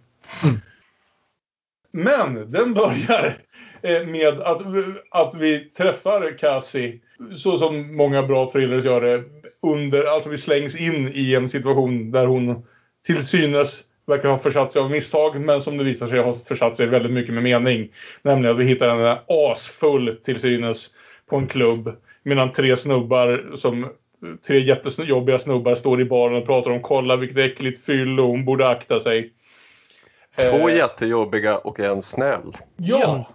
För det är ju just den, den, den för de har ju innan, även innan de upptäcker henne har de ju ett eh, ganska nedlåtande samtal om kvinnor de känner och någon kollega är det väl framför allt. Och det är ju en av killarna som... Jag säger att de inte kan ta kan de klienter. De är fråga uppenbarligen de business-snubbar. De kan inte ta klienter på strippklubbar längre. Nej, precis. Det här jävla feministsamhället. Och, men och då är det ju en, en av de tre försöker ju då försvara kvinnligheten. Att vara, vara lite, vara liksom, nej men så här ska vi kanske inte prata killar. Och tänka, ja det är den snälla killen. Tänker man då, honom kan jag, jag identifiera mig med. Men eh, det visar sig vara bara en mask. Det var ett lur. Ett lur! Det var en fälla för oss snälla killar. Men det är dubbellur. För han går Yes. sen i hennes fälla. Så Ja. det är det som är grejen. Och vi ska ju säga det att, som sagt, det, killen i fråga spelas av Adam Brody. Det finns en poäng som är här som jag tycker är jätterolig och som man kan absolut se filmen och inte ha koll på amerikansk tv från de senaste 20 Nej, åren. Jag tror jag vet vad du är Men- på väg med detta. Men antalet av de här männen som absolut funderar på att ta hem en full tjej från krogen. Eh, som spelas av snälla killar från populära tv-serier från de senaste 20 åren. Ja. Är i stort sett alla. Så den här första killen spelas av Adam Brody som ju var killen alla egentligen ville bli kära i på The OC. Om man såg den för 15 år sedan. Ja, eller, eller Gilmore Girls då för min del, men, men visst. Jo, precis. Och du, du har eh, Max Greenfield, du har Christopher Mintz-Plasse, du har Sam Richardson. Sam Richardson som, Sam Richardson som är alltid som potentiell våldtäktsman. Liksom. Det, ja, Ja, men, men det är väldigt, Och- det är, och- det Vem är väldigt dem är den snyggt snälla glow-killen? precis. Chris Lowell. Det faktum att på slutet så är eh, två av Veronica Mars snällaste pojkvänner. Och det är dessutom utsträckt det här till, till de kvinnliga karaktärerna också. Så liksom eh, Alison Brie som är liksom bästa kompisen i 50 filmer liksom dyker upp och visar sig vara en minst sagt obehaglig karaktär Eh, Connie Britton också. Alltså castingen i den här filmen har Ja, gjorts av ett Och, trevligt och som stjärna. sagt då Bo, Bo Burnham som eh, eh, liksom kärleksintresset nummer ett som verkar vara den här snälla killen väldigt länge. Den enda som Han har faktiskt spe- regisserat 8th grade för guds skull. Han Ja. kan inte vara ond. de enda som faktiskt spelar sympatiska män är Clancy Brown och Alfred Molina. som ju inte direkt, i vanliga fall, jag menar hand upp, hur många, om man ser Clancy Brown på en, på en film så tänker man ja men det är han som är hjälten. Är, är, Clancy, Brown huvudpersonens pappa eller? Ja, hon är Ja. precis. Ja, nej, han, nej det, man får ju inga sådana positiva vibbar normalt sett. Men, men, men som ni har sagt väldigt bra så är ju castingen lu, luras eh, med våra hjärnor en del för att man får man, man ser liksom Brody där i början till exempel och tänk, tänker att får väldigt varma känslor från från då eh, vilken eh, amerikansk tv-serie man nu har sett Ja, utan att man riktigt tänker på det. Mm. Och, nej, men alltså, och vi ska ju säga det att den, hela den här sekvensen slutar med att eh, Adam Brody försöker ligga, han tar hem henne i taxin, hon är asfull. Eh, Till slut försöker han ligga med henne trots att hon i stort sett är medvetslös. Det, det var en fin omskrivning men Mm. ja. Precis. Och hon Man vaknar... ser också hur Uber-förare... Uber? Ö, Taxichauffören ehm, gör en liten ögonrullning. Men som Dimitri, han väljer att titta åt andra hållet. Han Ja, förstår att precis när Adam Brody håller på att få till det med den här till synes medvetslösa tjejen så är hon inte alls medvetslös utan sätter sig rätt upp och frågar Hey, I said, what are you doing? Och där klipper de till credits på ett sätt som är så jävla snyggt just i det att om man kommer till den här filmen och sett andra Rape and Revenge-filmer tänker man ju ah, han är död. Absolut. Ja, för, för apropå, det här, apropå det här då med att eh, filmen inte, inte är su- subtil och sådär. För det vi, det vi snart får se är ju däremot något som är ganska subtilt och som aldrig får sin förklaring. Eh, att hon har en liten anteckningsbok där hon har massvis med killar nedskrivna i olika ett färgkodningssystem som då Ja. indikerar att hon har utdelat olika straff eller något till dem kanske. vi, har vissa vi vet dött. inte vad det här färgkodningssystemet betyder för Fennell vägrar berätta. Ja precis, vi får aldrig veta det förutom, förutom att det kanske man någonting betyder det ju förmodligen och det är Från ju, början är man ju säker på att vissa av de här är döda och vissa, Mm. ja, vissa fick gå. det är ju första tanken men, men det blir ju långt mer säkert. Och, när och det, understry det understryker filmen också just med det här eh, att när vi ser henne direkt efter creditsen så är ju att hon går hem och det liksom droppar rött längs benet. Och så zoomar vi upp och inser att hon håller på att äta korv och det är ketchup. eh, men, men det här har jag ett av mina, en av mina synpunkter på filmen. Eh, just det här att som sagt vi har den här anteckningsboken som har bokstavligt talat hundratals streck i sig. Mm. Och om nu filmens premiss stämmer någorlunda, vilket den ju gör, liksom att många av de- de människor, eller de män som tar hem en stupfull kvinna är inte killar man vill ska ta hem en stupfull kvinna. Ska vi verkligen tro att alla det här har slutat med att hon har läxat upp dem och sen gått därifrån? Nej. Ja, Och, och sättet filmen dansar runt den här frågan utan att göra någonting mer av den. Har några av de här slutat med sexuellt våld? Har några av dem slutat med att hon kommit hem blåslagen? Har hon en revolver i fickan och grävt ner killen någonstans? Har hon en taser i fickan och killen har vaknat med håret rakt upp? Vad har hänt? Och jag stör mig på att filmen helt enkelt skiter i den frågan. Mm. Ja. Det är, det är inte trovärdigt att, han, att hon kan gå hem med hundratals män som, som är benägna till sexuellt våld och ingenting händer. Varje gång, att de varje gång att alla skäms så hårt att de Ja, släpper ut henne oskadd utan att liksom kan...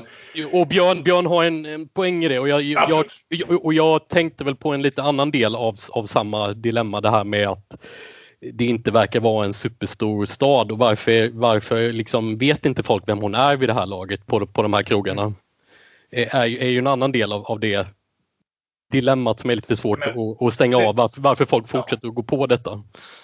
Det är de, de två frågorna tycker jag är absolut liksom rimliga samtidigt som jag känner att jag skiter fullständigt i svaret på den för vad det för, för som sagt det är osubtilt och det är liksom den bredare historien som spelar roll. Men visst, jag säger definitivt att hon inte har mördat någon. Jag känner att historien faller platt som helhet om hon Ja. har eh, brukat mer våld än möjligen en taser. Ja, jo, jag håller med. A- När man, ser när, när man absolut. sett lite mer av filmen så eh, håller Ja. jag med.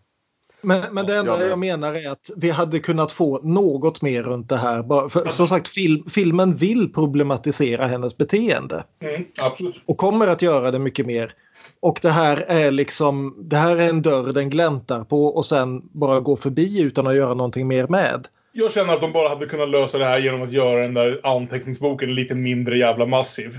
Ja, och, och Ja. kanske liksom låta oss skymta en taser i hennes ficka eller någonting. Liksom. Exakt, ja exakt. Bara någonting som antyder att det händer saker där som inte bara är så triumfa- triumfatoriska som de är i scenen med Minns Plus. Precis. För det är väl nästan, vi går Nu när du säger därifrån. det så kan jag ju hålla med. Men, men vi går väl ganska snabbt därifrån till att jag antar att vi presenteras för hennes jobb och hennes familj. För någonting har ju hänt med denna Cassie som jag känner. Jag menar, nu har vi pratat en bra stund och det här. Det visar sig ju något om den här filmen. Vi är fem minuter in. Hon bor fortfarande hemma hos sina föräldrar. Hennes föräldrar är Clancy Brown och, eh, och Jennifer Coolidge.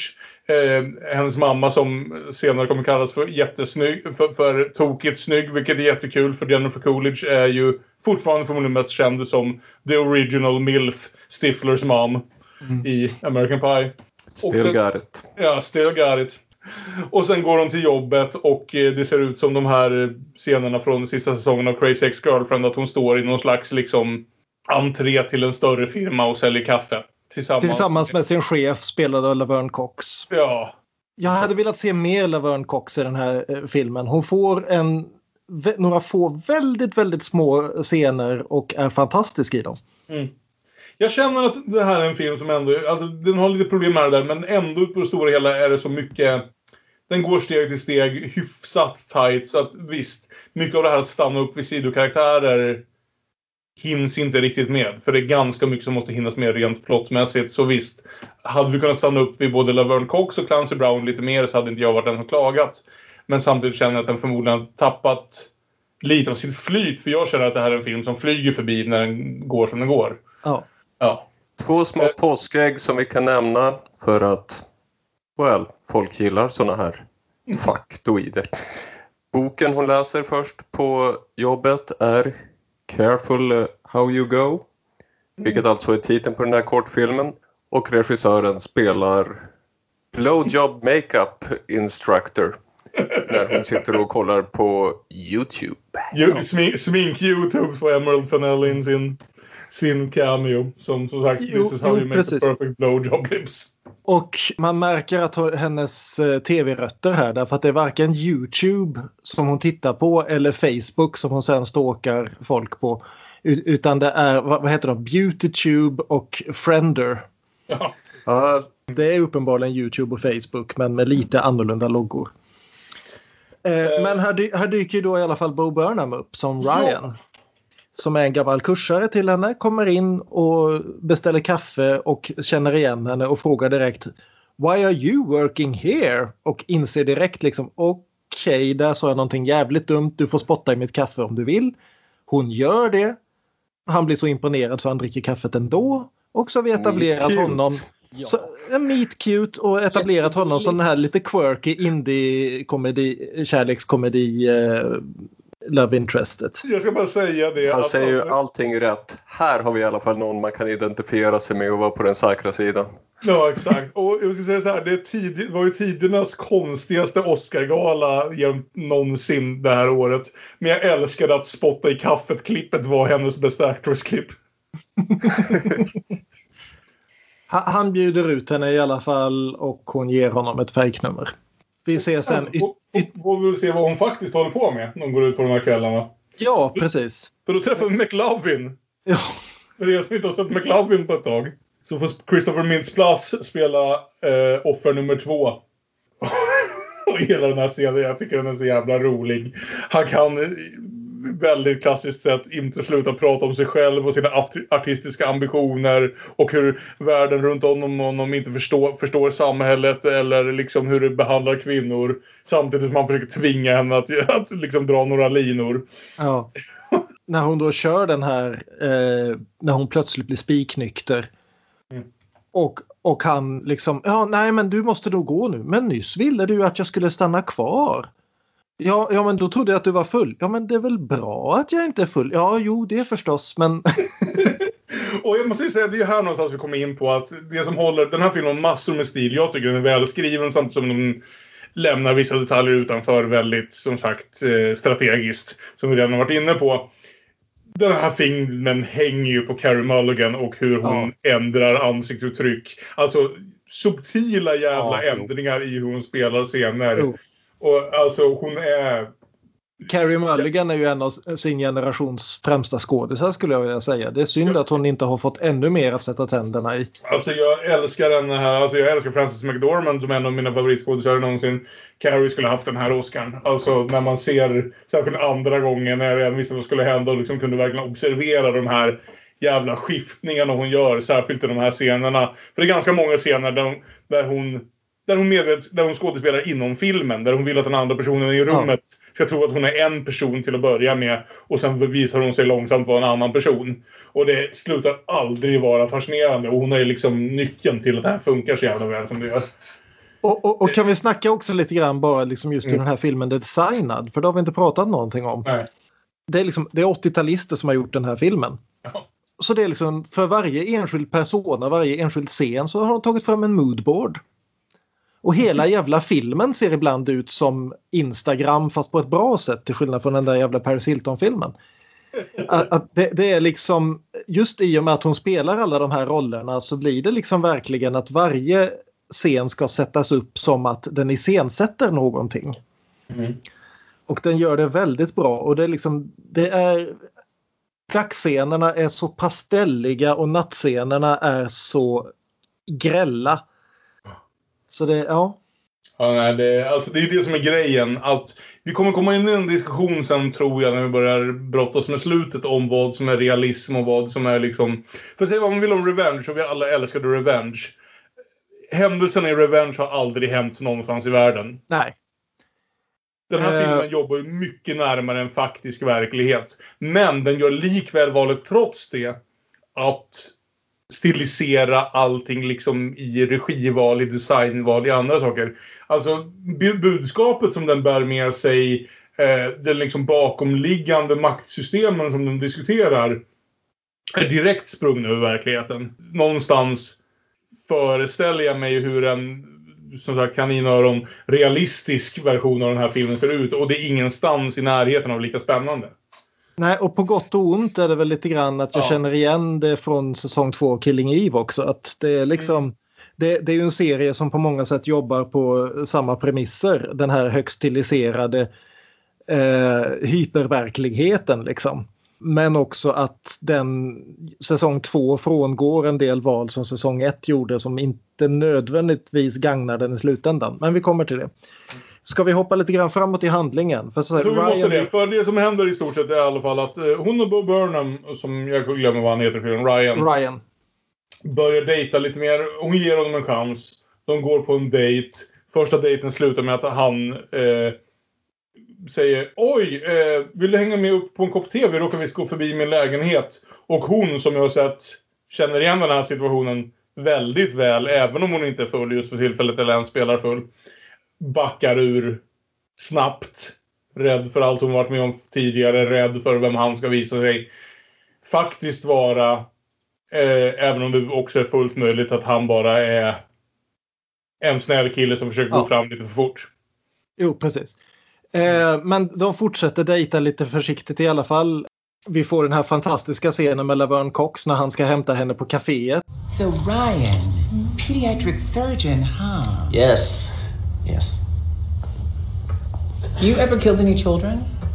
Uh, what? While operating on them, have you ever killed any children? Uh, no. No.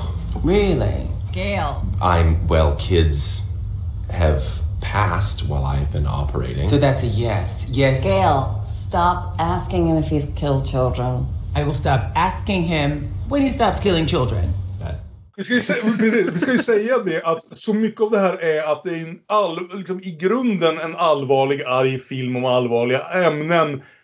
Den är så hysteriskt rolig alla de här samspelen och jag tror det är därför den lyckas lite grann skippa undan lite av rena de här logistiska problemen. Därför att när, vad heter det, Bo Burnham och Carey Mulligan har liksom samspel och dialoger så är de ju direkt jävla elektriska och de är välspelade dialoger. Det är precis, vad fan, eh, eh, vad heter Olof nämnde Gilmore Girls för bara en kvart sedan.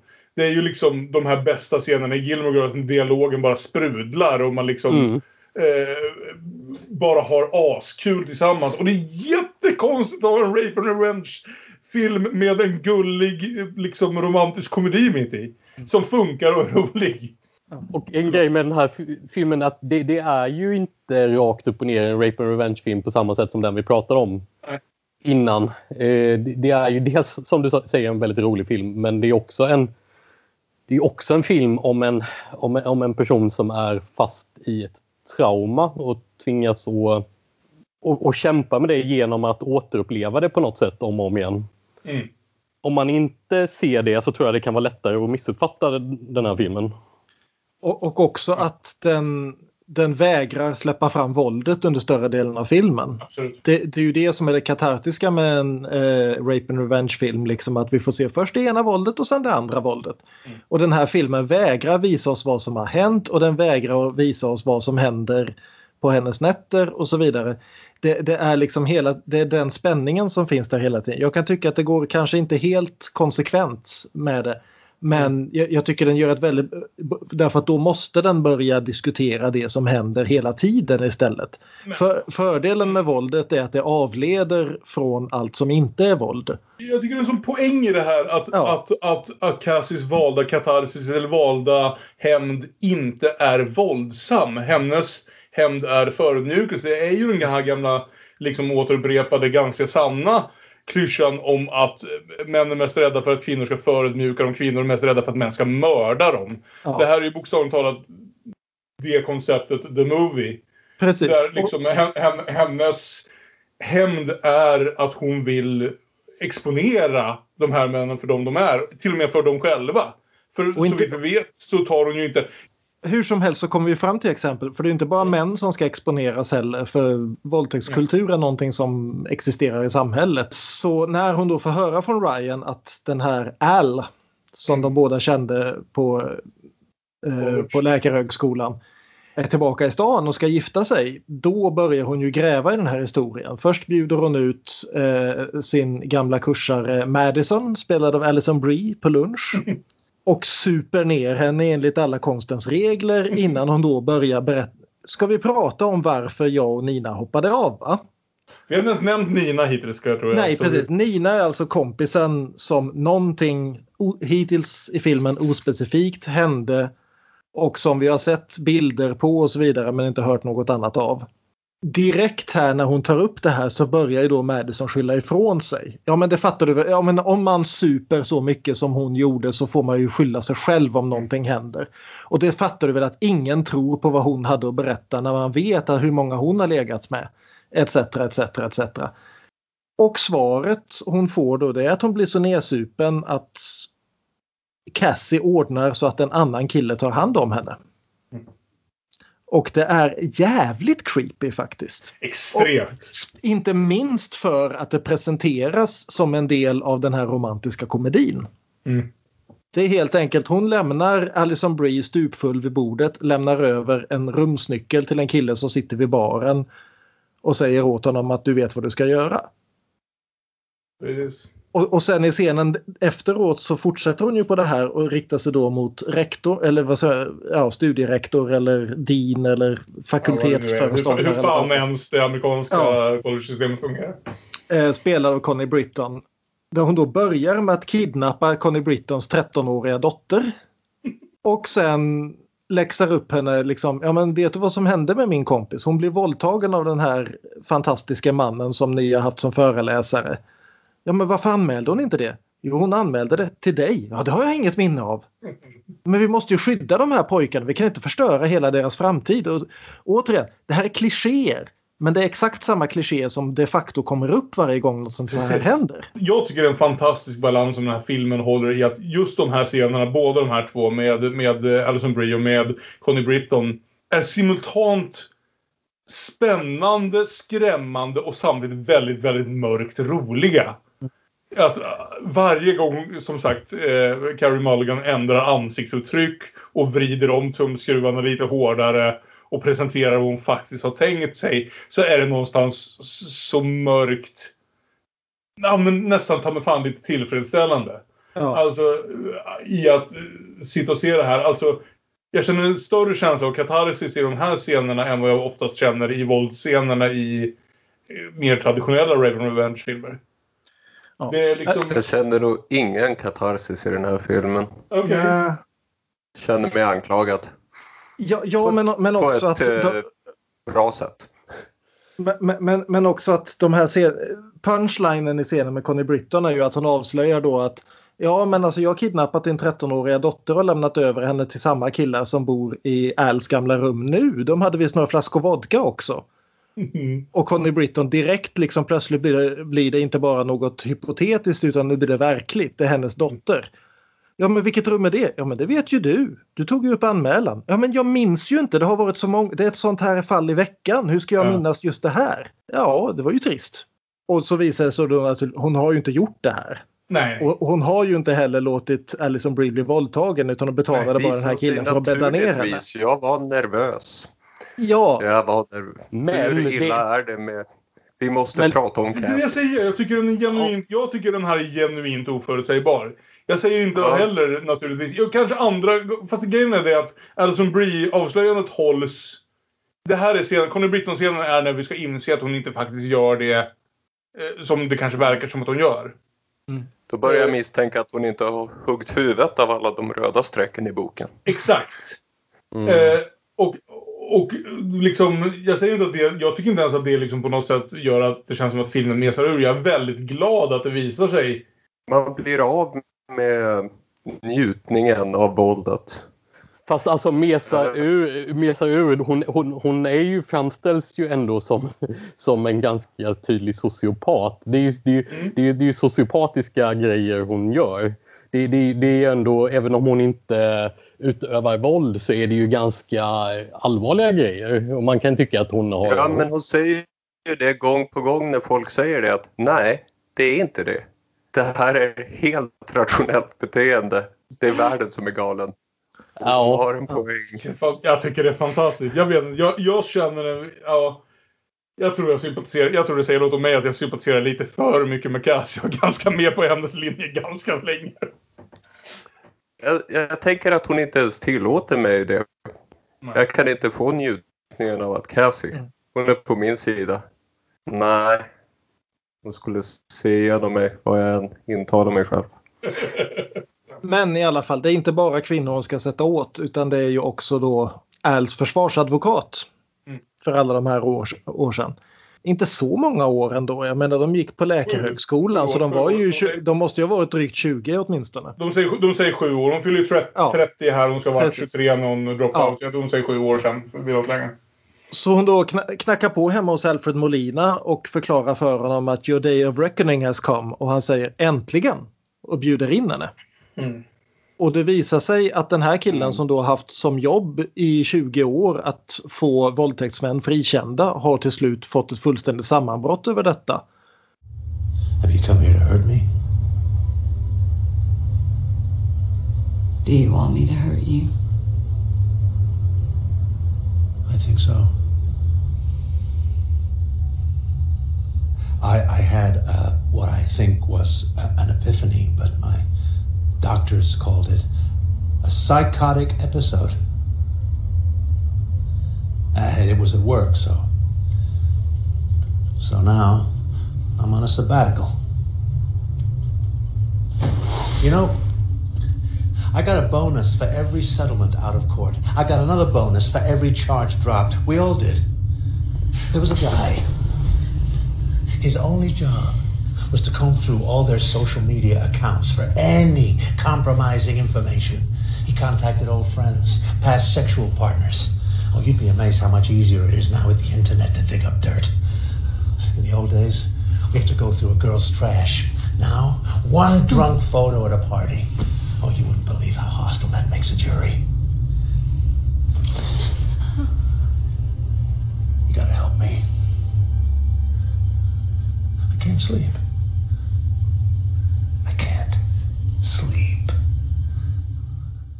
Det är en, en till favoritscen. Den är väldigt bra. För, för just det här att hon har ju faktiskt planerat att låta någon hårding som hon har anlitat göra någonting mot Alfred Molinas karaktär. Men efter att hon kommer ut därifrån och han har legat på knä framför henne och gråtit och bönat och bli, bli förlåten så kan hon inte. Även att hon besöker då Ninas mamma som säger Åsen att jag vet inte exakt vad du håller på med men du måste släppa det här. Du kan inte fortsätta leva ditt liv i Ninas trauma. Nej. För det vi har sett också är ju att hennes föräldrar är liksom, de låter henne leva hemma, de låter henne jobba på sitt kaféjobb och så här. Men framförallt hennes mamma är ju väldigt oroad över vart går hon på kvällarna. Vad håller hon på med? Hon var deras liksom fina supersmarta läkarstudent tills för, tills, eh, för sju år sedan. Som nu liksom har blivit komplett asocial, bor hemma hos sina föräldrar fast hon inte borde behöva. Jobbar ett jobb där hon inte tjänar några pengar och eh, till synes inte haft något liksom annat mänskligt förhållande på, på sju år. Så allt det här kommer ju in i hur det här har ju liksom blivit hennes passion. Hela det stora projektet. Hela det stora projektet att liksom få män att sluta bete sig på det här sättet. Att lära dem en läxa har blivit, liksom tagit över hela hennes liv. Hon har tappat alla andra tankar på att utvecklas vidare som egen människa. Och nu blir det här liksom hyperspecificerat när hon får ett faktiskt mål. Och det är också det som trappar upp hennes metoder. Oh. Hon, har, hon, har ju ett, hon har ett trauma där hon känner också där hon känner en väldigt stor skuld för det som hände Nina och, och det är väl också därför hon inte kan bara, hon kan inte bara sluta. Hon, det är ju något tvång som driver henne att... Det är ju så väldigt intressant det här i att, i att våldtäkten i den här Rape and Revenge-filmen, en film för övrigt som aldrig säger ordet rape, vilket jag tycker är intressant. Just för att jag tror att det är en del i, i Alltså lite som den verkar misslyckats med Olof, om du säger att de fått mycket kritik från faktiska liksom, offer för sexuella övergrepp. Att, jag, att i att aldrig visa några sexuella övergrepp och knappt visa något våld förrän precis på slutet.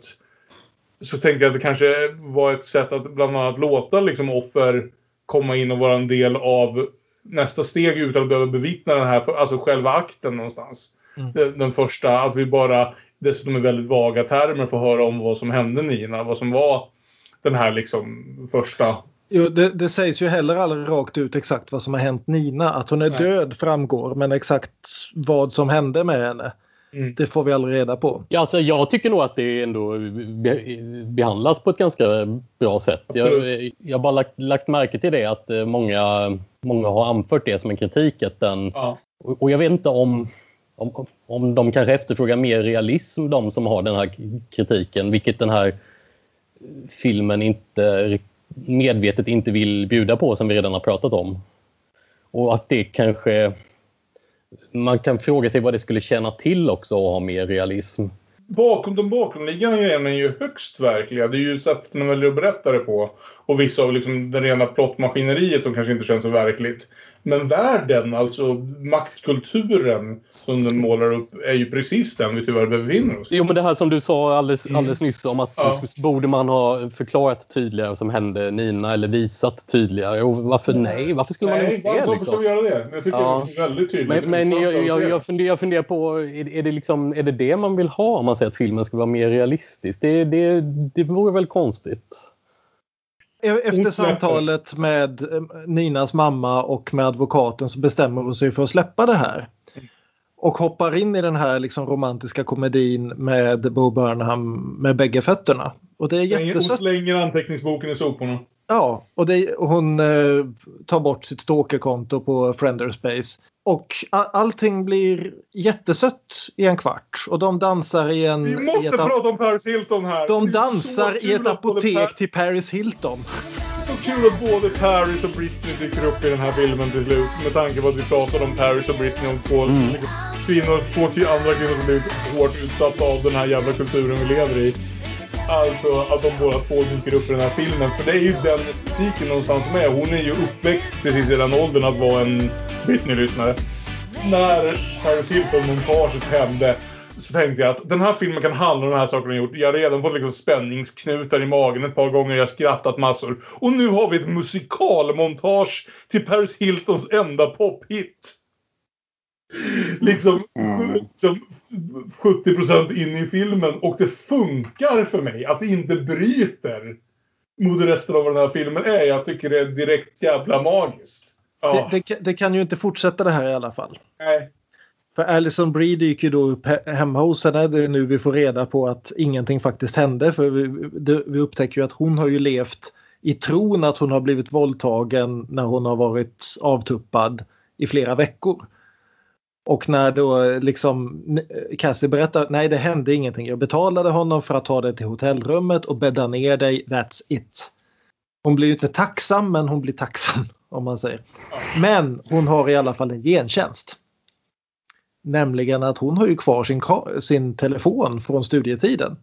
Och på den här studietiden finns ju en film som togs den här kvällen med Nina och Al. Och som skickades runt till alla men det hade hon glömt för det här, sånt här hände ju hela tiden. Jag ska säga det här utan att säga någonting specifikt.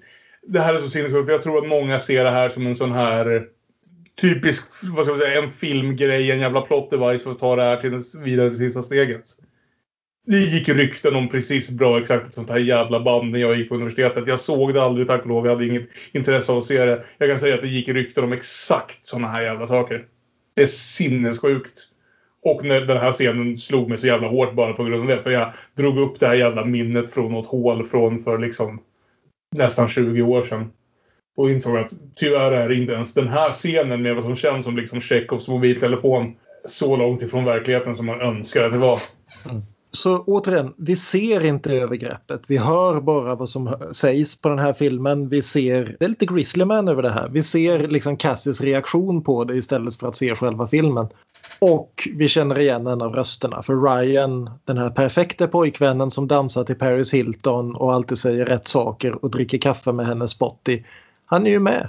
Han står och tittar på och har inte brytt sig nämnvärt. Ja. Nu. Han var det lite, nej, sluta med det där, nej, oj, oj vad ni går över gränsen, nej. Och sen gick han därifrån. alltså, ja, det är... Och det är som perfekt nivå på det. För jag hade aldrig trott på det om det hade visat sig att Ryan var ett av våldtäkts, en av våldtäktsmännen till exempel. Va? Så som hade byggt upp det. Utan det är just balansen i det här beslutet. Att han var i rummet. Han såg vad som hände. Han valde att gå därifrån och tänka men oj vilken konstig jobbig fyllegrej. Och aldrig liksom återigen bara lägga det liksom så långt bak i minnet att han inte behövde tänka på det igen. Precis, och, och ju, just det att han... Man får inte ens känslan av att han har ljugit för henne. Nej, nej, nej. För, för det är ju också en grej som den här filmen tar upp gång på gång. Det kommer upp i, i diskussionerna både med Alison Brie och med Connie Britton. Just det här att, ja men herregud, jag minns inte detaljerna, sånt här händer varje vecka. Det som verkligen gör eh, Cassie så förtvivlad är att ingen minns att det hände just hennes kompis. Att alla har liksom lagt in henne i någon sorts suddig mängd av tjejer som försvunnit bort ur livet. Och det hon verkligen blir rasande över är inte att han har ljugit för henne utan att han talade sanning när han, ja men han mindes inte. Det, det, var inte. det var inte minnesvärt nog. Det förstörde Ninas liv men för honom Den banala ondskan. Och sen går hon ut och gråter mot träden i visan från Night of the Hunter. Vilket kopplar tillbaka till att hennes föräldrar har suttit och tittat på, på Night of the Hunter tidigare. Återigen liksom. Till frukost. Och sen så konfronterar hon. För grejen är så här också, ska jag säga det att det har ju varit två separata Cassie. Cassie har ju levt klassiskt filmiskt dubbelliv. Hon har varit den här hämnaren med sina hemliga planer på ena sidan. Hon har varit Ryans flickvän på andra sidan. Ryan har ju ingen aning om ens, tror jag, att hon var så nära Nina. Eller, alltså hon minns väl att de var kompisar då, men att hon är så påverkad av det här. Så när han... Ja, han sa ju det. Du var Ja. kompis med Madison and that other girl. Ja, precis. Så när han kom, när hon helt plötsligt... För det här, nu, nu är vi ju liksom, det här är ju the triggering event. Nu är vi i akt tre. När hon dyker upp på hans jävla kontor och visar den här filmen. Och alltså jag får gå, liksom ståpäls bara och tänka på det är liksom... Det är så jävla välspelat från de båda två. Mm. Hans jävla skam som rinner in droppe för droppe när han minns den här händelsen och inser hur vidrigt han har behandlat allt det här med liksom tio års eller sju års mer vetskap om världen. Och först vill han inte kännas vid det. Oh, why are you showing me this? Så dyker han upp och ja, hittar på bortförklaringar efterhand hur det, hur det inte är han. Och, och just när han inser att han kommer inte undan med det här. Att det räcker inte att bara säga You gotta forgive me. Och hon svarar No. Alltså det är kanske det Och, och bästa. han direkt slår om och först hotar att begå självmord och sen attackerar henne och kallar henne för a failure. Och det, det är liksom, det är det har inte ens varit en fråga om att han har förställt sig. Utan det har varit att det här är den han är. Han är tunt lager av nice guy över någon som är precis lika självintresserad som alla andra. Det nej, alltså och det, hela den scenen det här där han tänker att det här var en dålig, dålig kväll som bör förlåtas. Att hon inte möj, hon kan inte, det kan inte vara sant att en dålig fyllekväll för sju år sedan. Hon kan inte mena att det ska ändra allt det här vi håller på med nu. Och Det gjorde tro- inte ens något. Han har inte ens tänkt på det på sju år. Hur kan det vara så viktigt? sanslöst. Alltså. Och det för oss rätt in i utpressning som gör mot honom där hon säger rätt upp och ner. Hon kommer berätta allt det här att han var närvarande vid liksom en, våld, en gruppvåldtäkt som fick eh, flickan i fråga ta livet av sig gissningsvis. Och ah, om han inte berättar var Al Monroe ska ha sin jävla svensexa. Ja, Jag gissar att väldigt många av människorna som är så arga på den här filmen är så arga för att de har varit med i filmen fram till den här punkten. Och för att vi förväntar oss att den här sista punkten ska gå på ett annat sätt än vad den gör. Precis. Det här är ju det vi såg i filmen Revenge. Bokstavligt talat väntar vi oss. Ja, bokstavligt talat på. Ni kommer ihåg det här i, i Jordan Peels Us? När han tog Loonies gamla hiphop-dänga I got five on it och gjorde om den och skrev om den till skräckfilmsmusik. Mm. Ja. Här De gör de exakt ja. samma sak med Britney Spears Toxic. De gör Toxic så jävla obehaglig.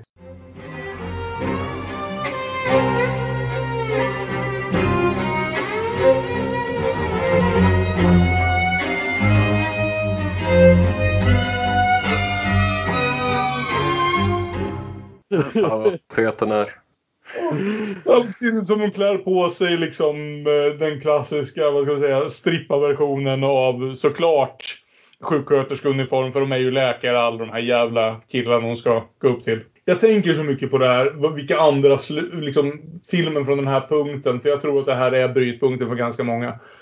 För mig funkar allting från den här punkten så fantastiskt väl. För jag vet inte vilka andra slut som inte vare sig skulle kännas falska eller, mer tillfre- eller skulle kännas mer tillfredsställande på något sätt.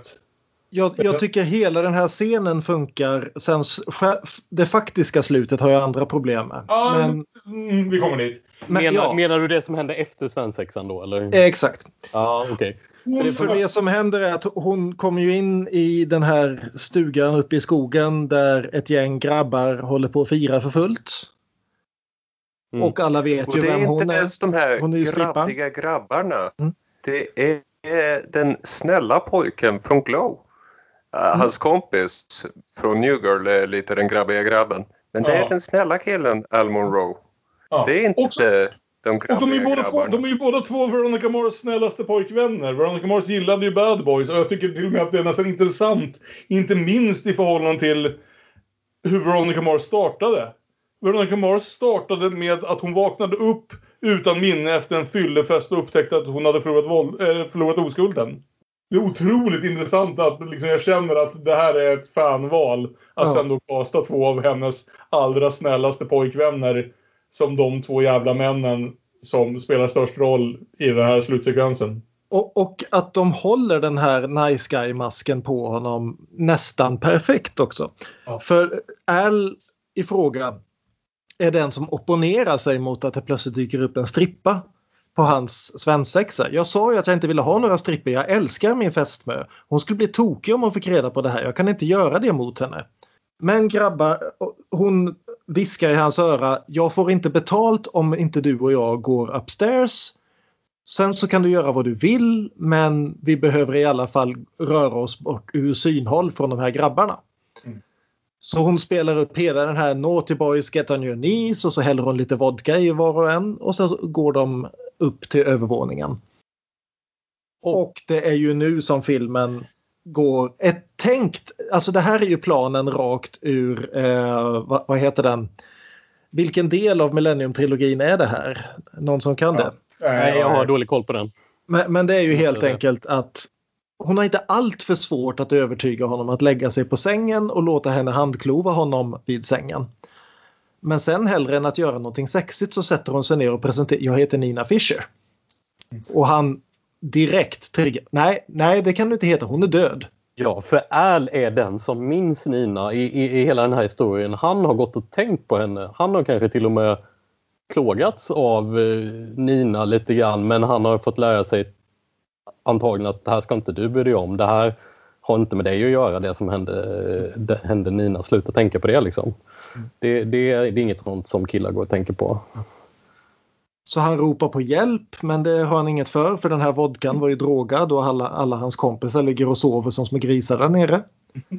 Och han rabblar varenda ursäkt i boken. Återigen, filmen använder klichéerna här liksom. Det, men, och han, liksom det här att det är allra, alla mäns värsta var, mardröm att bli anklagad för något sånt här. Ja, just det, att bli anklagad för något sånt där. Ja, det anklagan är ju onekligen det värsta. Så, alltså, och jag ska Ja. säga det att så väl som det här är uppbyggt till, för ibland när vi liksom pratar om film så blir det så lätt att jag, jag, jag tycker att det är bra att vi ger liksom perspektiv på dialogen och hur plotten utvecklas. Som det är regisserat så kan jag säga att jag hade den största spänningsklumpen i magen som jag haft på flera år. Just för att jag kände att det var... Jag visste inte riktigt hur det här skulle gå. För jag förstod liksom... Jag visste någonstans att Cassie är inte en mördare. Jag trodde inte hon skulle komma in i den här stugan med en AK liksom. Och meja ner alla. Jag trodde inte vi skulle få revenge-slutet. Nej. Det tänkte jag var liksom ut ur dörren. Ja. Eh, Men- varför men jag bara sam- Så vilka slut lämnas? Vilka slut finns kvar vid det här laget? För, och för jag samtidigt, var så jävla orolig på alla sätt och vis. Alltså, det, man hade verkligen lyckats bygga upp den här situationen. Jag kände att jag inte hade en jävla aning. Och jag... Åh! ja, för vi får ju den här stora dramatiska monologen då av Carrie Mulligan. Att hon har känt Nina sedan hon var fyra år gammal och det här som hände helt enkelt förstörde henne. She was fully formed from day one. Same face, same walk, and funny. Like a grown up is funny, kind of shrewd. I was just in awe of her. I couldn't believe she wanted to be my friend. She didn't give a fuck what anyone else thought apart from me. She was just. Nina. And then she wasn't. Suddenly she was something else. She was yours. It wasn't her name she heard when she was walking around. It was yours. Your name. All around her. All over her, all the time. And it just. squeezed her out. So when I heard your name again, your filthy fucking name, I wondered when was the last time anyone had said hers? Or thought it even, apart from me? And it made me so sad because, Al, you should be the one with her name all over you. Alltså fram med skalpellen, upp med tröjan och vi ska börja karva här. Men han får ju loss en hand och så får vi se vad som händer när 60 kilo kvinna ska göra motstånd mot 95 kilo man. Och det, det är ju brutaliteten i det. Det är ju det här som vi sa hela tiden. Va? Män är rädda för att bli förödmjukade, kvinnor är rädda för att bli mördade. Men det han är rädd för här är ju inte att hon ska döda honom. Han är rädd för att bli utpekad som det här som vi vet att han är. Och, och också Ja, att, vi, att den här scenen pågår ju så länge. Emerald Fennells svärfar är polis. Så hon frågade ju helt enkelt honom, ringde upp honom och frågade du, om man skulle lägga en kudde över ansiktet på någon och kväva hen, hur lång tid tar det ungefär? Två och en halv minut svarade han. Ja okej, så vi låter den här scenen pågå i två och en halv minut. Helt jävla olidligt. Och, och både det här att det är så fantastisk insats av båda de här skådisarna också tycker jag. Att vi ser liksom på Chris Lowell hur han förvandlas från det här är självförsvar till din jävla bitch du ska bara dö. Exakt. Med, samtidigt som Cassie går från den här självsäkra hämnande ängeln till någon som skriker och gråter och inte vill dö. Men gör det. Och jag förstår ju frustrationen här. Jag tror det här kan komma in med det att den, den väldigt kortfattade versionen av kritiken, som jag såg, inte den enda kritiken, men den mest förekommande, är ju att det här blir en rape and revenge-film där två kvinnor dör och inga våldtäktsmän. Eh, Ja, jo, men jag, jag, känner, jag känner igen det också. Ja. Eh, Men jag tycker att poängen är att motsatsen till det är att Cassie är aldrig ens ute efter att döda någon så vi kan inte sätta den på, på en skala mot Kill Bill eller Revenge. Eller så här. För Cassies mål är aldrig att döda någon. Det är männens jävla sätt att han, hantera de här situationerna. Cassie vill ha upprättelse för alla de här jävla oförrätterna. Hon vill, ha, hon vill exponera alla de här jävlarna för vilka hon, de är. Hon kunde inte bry sig mer. Hon vill inte att de ska dö. Hon vill att de ska leva med det här de har gjort. Så tanken på att det på något sätt är en bättre film om hon... Jag ser inte vilka andra vägar ut ur det här som är, mer, som är en bättre historia. Ja, och, och Emerald Fennell har ju kommenterat det här också och sagt att hon skrev först slutet där det faktiskt går som man hade tänkt sig att det skulle gå. Men hon förklarade ja, men, det, men jag insåg direkt att det, det slutet var inte sant.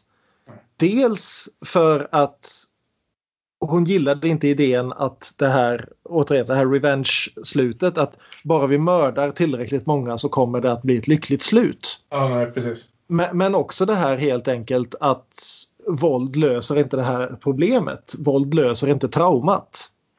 Våld bara skapar mer trauma och det är därför hon säger det i en intervju också jag såg att så fort Cassie tar ett faktiskt vapen i handen så dömer hon sig själv till döden. Ja. Mm. Nej, jag, jag, jag, tänker nog också en del på att, att hon eh, att Cassie bearbetar det som hände för sju år sedan ge- genom att, genom att återskapa det och att hon tänker att hon skuldbelägger sig själv för att hon lät Nina gå själv till den här festen för sju år sedan och att hon borde varit där. Att hon återskapar det att nu går, nu, nu, nu eh, går jag till den här svensexan för att stå upp för dig som jag borde gjort för, för sju år sedan. Eh, men hon har inga tankar på att hon... Hon ser väl faran i det men hon har Jag ingen ser definitivt faran i det som vi kommer komma fram till. som vi kommer fram- se sen. Men Ja. det är inte som att hon har planerat att hon ska dö lika, Nej, nej, lite, nej, nej. lika lite som hon har planerat att döda någon, tror jag. Eh, Hon har absolut inte planerat att döda någon. Hon tänker skära in det. Hon, är, hon är kunnig med en skalpell och hon vet hur man gör en ärrbildning som inte är dödlig. Och hon, hon vill det- göra men det är vad en Brad Pitt det är en gör med fortsättning Christoph på det Waltz hon- helt enkelt. Ja, precis. Ja, det är en fortsättning på det hon har utsatt alla de här krogkillarna för, att hon bearbetar traumat. Det är, också, det är också en del av förklaringen. Men det, ja. Och, och ett slut där hon, vadå? Där hon lyckas skära in det här namnet, går därifrån och de ringer polisen. Jag vet inte hur det, hur det ger mig Nej, det hade väl varit otillfredsställande. Så mycket som jag älskar filmen upp till den här punkten så är det ju här jag tycker den... Att den tar det här valet, det här valet som måste ha varit medvetet kontroversiellt. För att filmen Ja. är så väl medveten om vad vi vill se. Vi vill se slutet på Revenge. Vi vill, Ja, liksom, jo, det är det, ja. det är det man kanske mest sitter och hejar på. Men, men, men nej, jag har nog svårt att se ett annat slut också. Jag tänker att fram till den här punkten, alltså man har ju sett... Eh, vad ska man säga, vissa framgångar för Cassie. Alltså på så sätt att ja, men det går faktiskt att eh, få folk att ändra sig och, och, och kanske förändra våldtäktskulturen. Man kan påverka folks åsikter, ja visserligen med sociopatiska åsikter, metoder. Man kan skrämma skiten ur dem. Ja, Ingen av de där karlarna kommer våga göra det här igen. Ja, hon har ju lyckats lite grann med det, med, med, och med advokaten till exempel. Eh, Men, men, han, eller- men han hade ju redan kommit fram till det på egen hand. Alltså, Ja. har kommit fram till på egen hand. Men det är ju snarare liksom de här vi ser tidigt i filmen. Alltså inte de som har del av huvudhandlingen utan eh, McLovin, Adam Brody. Men, men har de Nej, men blivit alltså, bättre jag, det, det, jag människor tänkte, då? min, slut, min slutkläm var, var snarare att ja, Det, det, det viktiga är att de, förmodligen bitarna inte är, vågar göra det här mot kvinnor igen. ja, de bitarna Det är är, jag positiva. skiter om de är bättre människor. De skadar färre kvinnor. Ja, men de bitarna är positiva i det större perspektivet då att om man ser det som att går det att förändra eh, våldtäktskulturen eller mäns benägenhet att begå våldtäkt. Ja, men det, det går man ska, det, det, det går. Men alltså de, de, eh, de sekvenserna hade nog varit otillfredsställande utan, utan, det, utan att liksom alla, vad ska man säga, alla tittare behöver väl bli lite uppskrämda på slutet också kanske. Precis. Alltså, jag håller med. Och jag förstår att det som Björn kritiserar är inte, inte Cassis död och det här, utan det som händer därefter. Vilket jag kan någonstans förstå. Vi ska säga det som händer. Och här återigen, fascinerad över den här filmen håller balansen mellan olika toner. För vi har precis sett Cassie dö under två och en halv fruktansvärda jävla minuter som liksom har mig så djupt upprörd som jag någonsin eh, som jag har varit på länge. Var på Max Greenfield lyckas komma in och ändå vara rolig på ett absolut fruktansvärt vis. Genom att vara typ den värsta människan någonsin. Ska också sägas att Max Greenfield, en av Veronica Mars snällaste pojkvänner men förmodligen nu för tiden mest känd för- som Schmidt i New Girl. Eh, första gången jag såg den här filmen så hade jag precis, jag slutade se avsnittet av New Girl där, där Max Greenfield gifter sig och får vara snäll och charmig och älskvärd och gick direkt och satt och såg den här jävla filmen. Ja. Och den whiplashen. Han övertygar ju direkt Al om att nej men det här var först så har vi den här liksom What do you mean you killed your stripper? What is this the 90s? Ja, precis. Och sen så när han inser att det faktiskt är sant Eh, så direkt det, det är inte ens en fråga vad hände utan direkt till det här är inte ditt fel. Det var en olyckshändelse. Vi ska fixa det här. Jag är din bästa kompis. Vi ska ordna det här tillsammans. Och jag menar hur många jävla 90-talskomedier började inte så här? Vi har svensexa, vi råkar ha ihjäl strippan. Vad fan gör vi nu? Så till tonerna av Something Wonderful, The King and I. This is a man who stumbles and falls, but this is a man who tries. This is a man you'll forgive and forgive and help and protect. Kremerar de Cassie ute i skogen och, och, det här och på allting är frid och fröjd och då, han kan gifta sig. Och det här jag kommer på, inte minst när de slänger eh, halvan av det här hjärtahalsbandet som, som säger Nina i på elden. Vi pratade mycket om David Lynch i den förra filmen. Men eh, just den här balansen mellan att lyckas vara roligt, spännande och samtidigt inte släppa på den dramatiska kraften i något sånt här fruktansvärt är ju ren jävla Twin Peaks. Där vi kunde gå från Andy som snubblar på plankor till liksom de här Firewalk with Me-scenerna om... Liksom, vi, vi vet ju att sånt här händer unga kvinnor. Inte minst för att hela världen följde Laura Palmer för 30 år sedan. En kvinna som råkade ut för bra exakt de här sakerna som vi diskuterat i hela det här jävla avsnittet. Och så här långt har jag inga större problem med slutet heller. Nej. Det, jag vet. Mm. Det, det, det är fruktansvärt men det är det är liksom verkligen att du förvandlar den här kvinnans kanske inte alltid helt välgenomtänkta men ändå liksom rättfärdiga revanschlust till ett kosmiskt skämt. Föräldrarna anmäler henne försvunnen, de är helt förtvivlade och poliserna pratar med Ryan som håller inne med vad han vet. Både från föräldrarna och från Ryan får väl poliserna mer eller mindre. Hon har varit psykiskt instabil. Man, man säger inte ordet suicide. She wasn't feeling so good. She was not in a good place. She may have wanted to hurt herself. Alltså, ja. Och hur Ryan gör vändningen här i den här scenen. Ja. Han har chansen. Ja. Och så är liksom case closed. Vi ska säga kommissarien heter för övrigt Waller. Det, Det är så många valler i den här. och så klipper vi till Als bröllop. Mm. Och det är jag ett gillar jättesött bröllop. ja, och jag förstår varför man inte gillar det här, men jag kan. Jag, Och allt verkar vara det perfekta bröllopet tills Ryan får ett schemalagt sms från Cassie. Och, Och det det är visar sig att hon har satt upp en hel jävla händelsekedja som ska hända ifall hon inte kommer tillbaka från den här svensexan. Som inkluderar att posta den här telefonen till eh, Alfred Molina och blanda in polisen och lämna den andra halvan av det här halsbandet så, så att eh, hennes chef kan hitta det på jobbet. Och till tonerna av Angel of the Morning så sveper polisen in och arresterar Al och hans kompis för mordet på Cassie. Och, och jag köper inte detta. Jag gör inte det. jag köper inte Jag- jag tycker- jag tycker köper inte filmen timingen fuskar i det. Timingen, timingen är omöjlig, men timingen är också där det här Ja. blir film någonstans. Jo, jo men alltså jag tycker jag kräver inte att filmer ska vara realistiska. Absolut inte. Men jag, tyck, jag anser att filmer ändå någonstans ska vara konsekventa med, med de regler de själva ställer upp. Och jag har stora problem med att du kan säga att när en tjej ska hämnas på en våldtäktsman så handlar det bara om muskelmassa som gör att han dödar henne. Till men polisen är magisk och kan lista ut exakt på vilken sekund de ska dyka upp för största möjliga dramatiska avslöjande och arrestera den här killen på de tunnaste jävla bevis man kan tänka sig. Det, det här är liksom inte en smoking gun. Det här är liksom ett foto av en pistol som någon har ritat dit lite rök på. Det här är så tunt, det kommer aldrig att hålla i en domstol och det är så löjligt vältajmat. Nej, jag, jag Ja, alltså, väl, vältajmandet säger jag är film. Det är film, liksom precis som mycket annat i film. Bara, alltså, naturligtvis att tajmingen sker precis där. Det, det, det är film. Jag vet inte om jag håller med om att bevisen är så tunna efter att, eftersom vi får se efter att det här är efter att de har hittat kroppen. Jo, visst. Men, Efter- men, Det är inte, det är inte som att arresterandet sker på bara videobandet och nej, halsbandet. nej, nej, men visst. Det, det, kroppen bevisar bara att, no, att hon är död och någon har bränt kroppen. Hur knyter du liksom honom till det? Där, nå, där någonstans... Fast alltså, att- alltså, ja, alltså polisen... i- i- i- Jag tyckte nog inte detta var orealistiskt egentligen.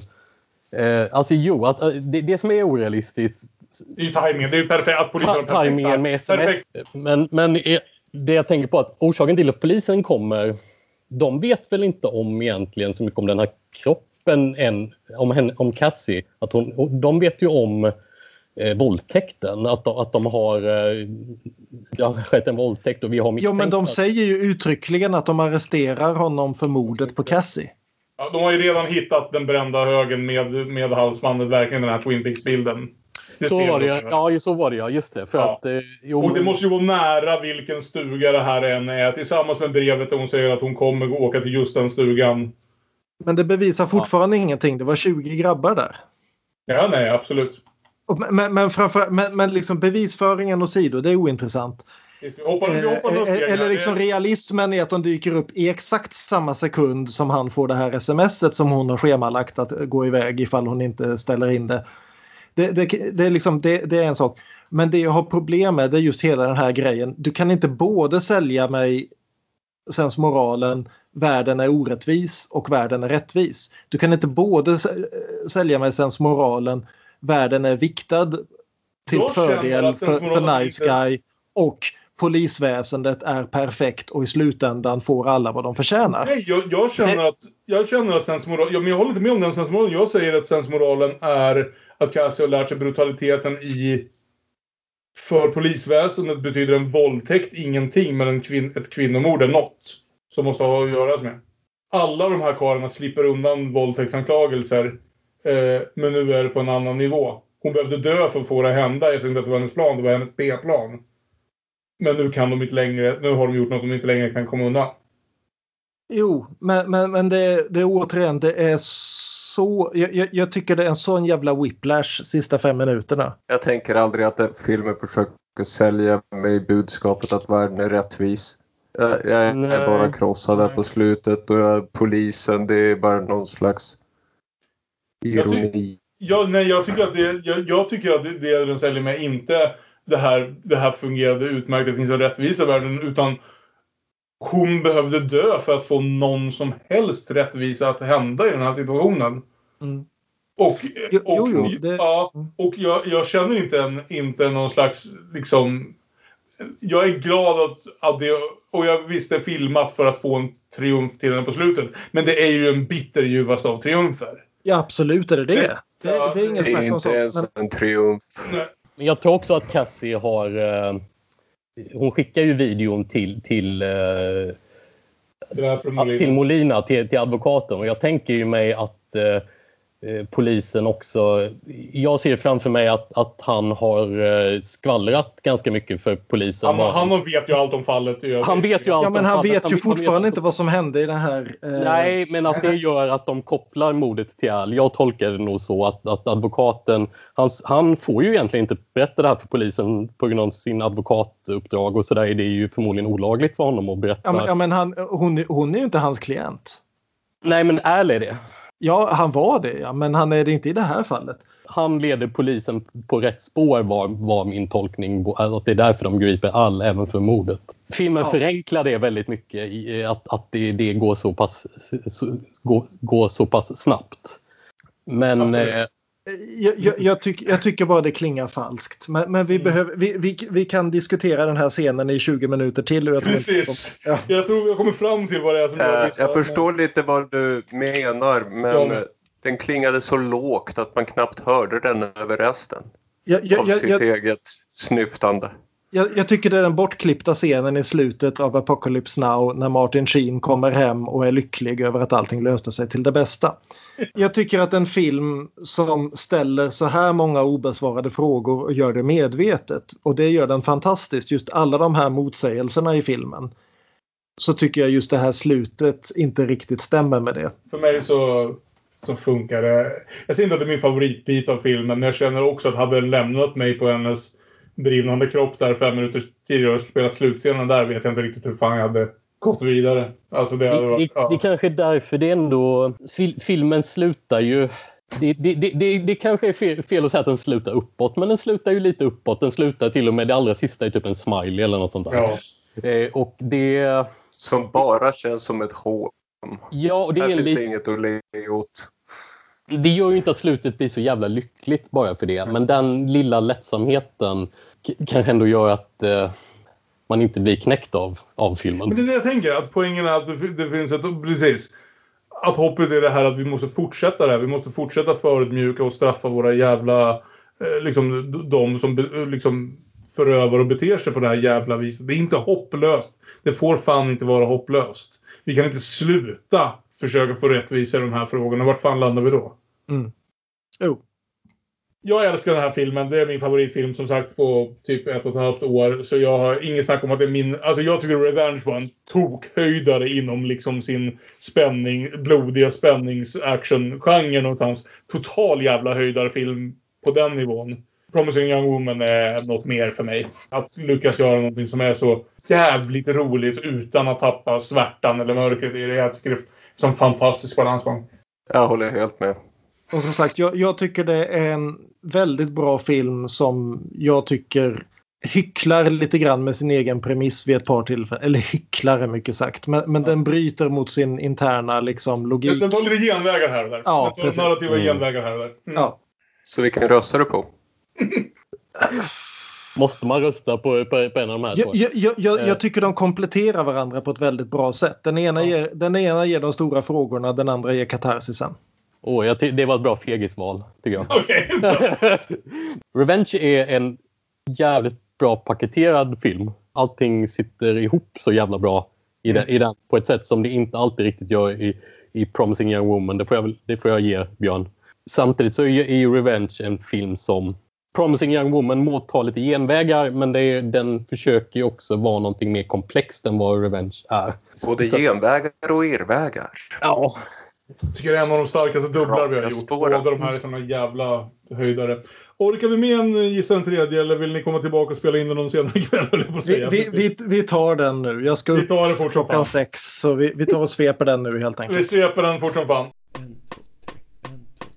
Gissa den tredje.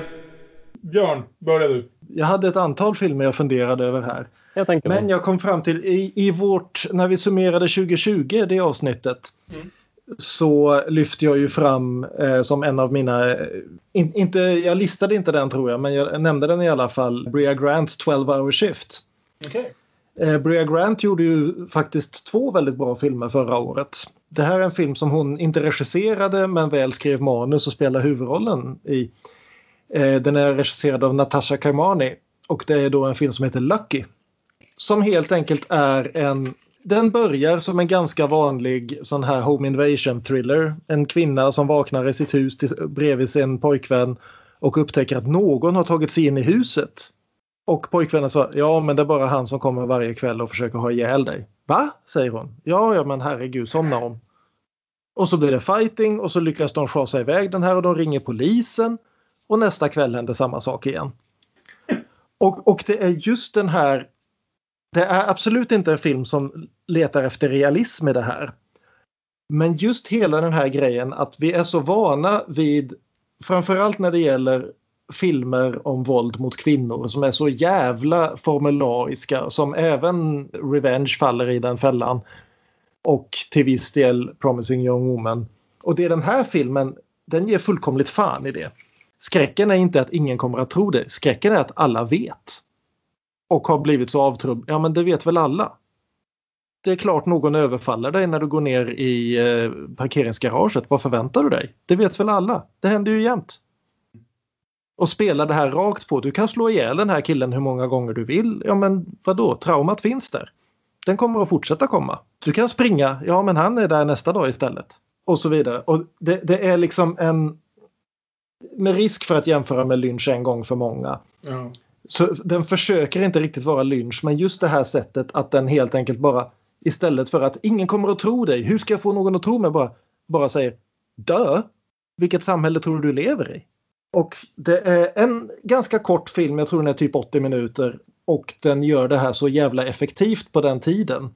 Och jag är så jävla spänd på vad Bria Grant kommer att hitta på framöver. För nu har hon gjort två stycken höjda filmer på ett år. Och jag hoppas att hon kommer att göra många fler sådana.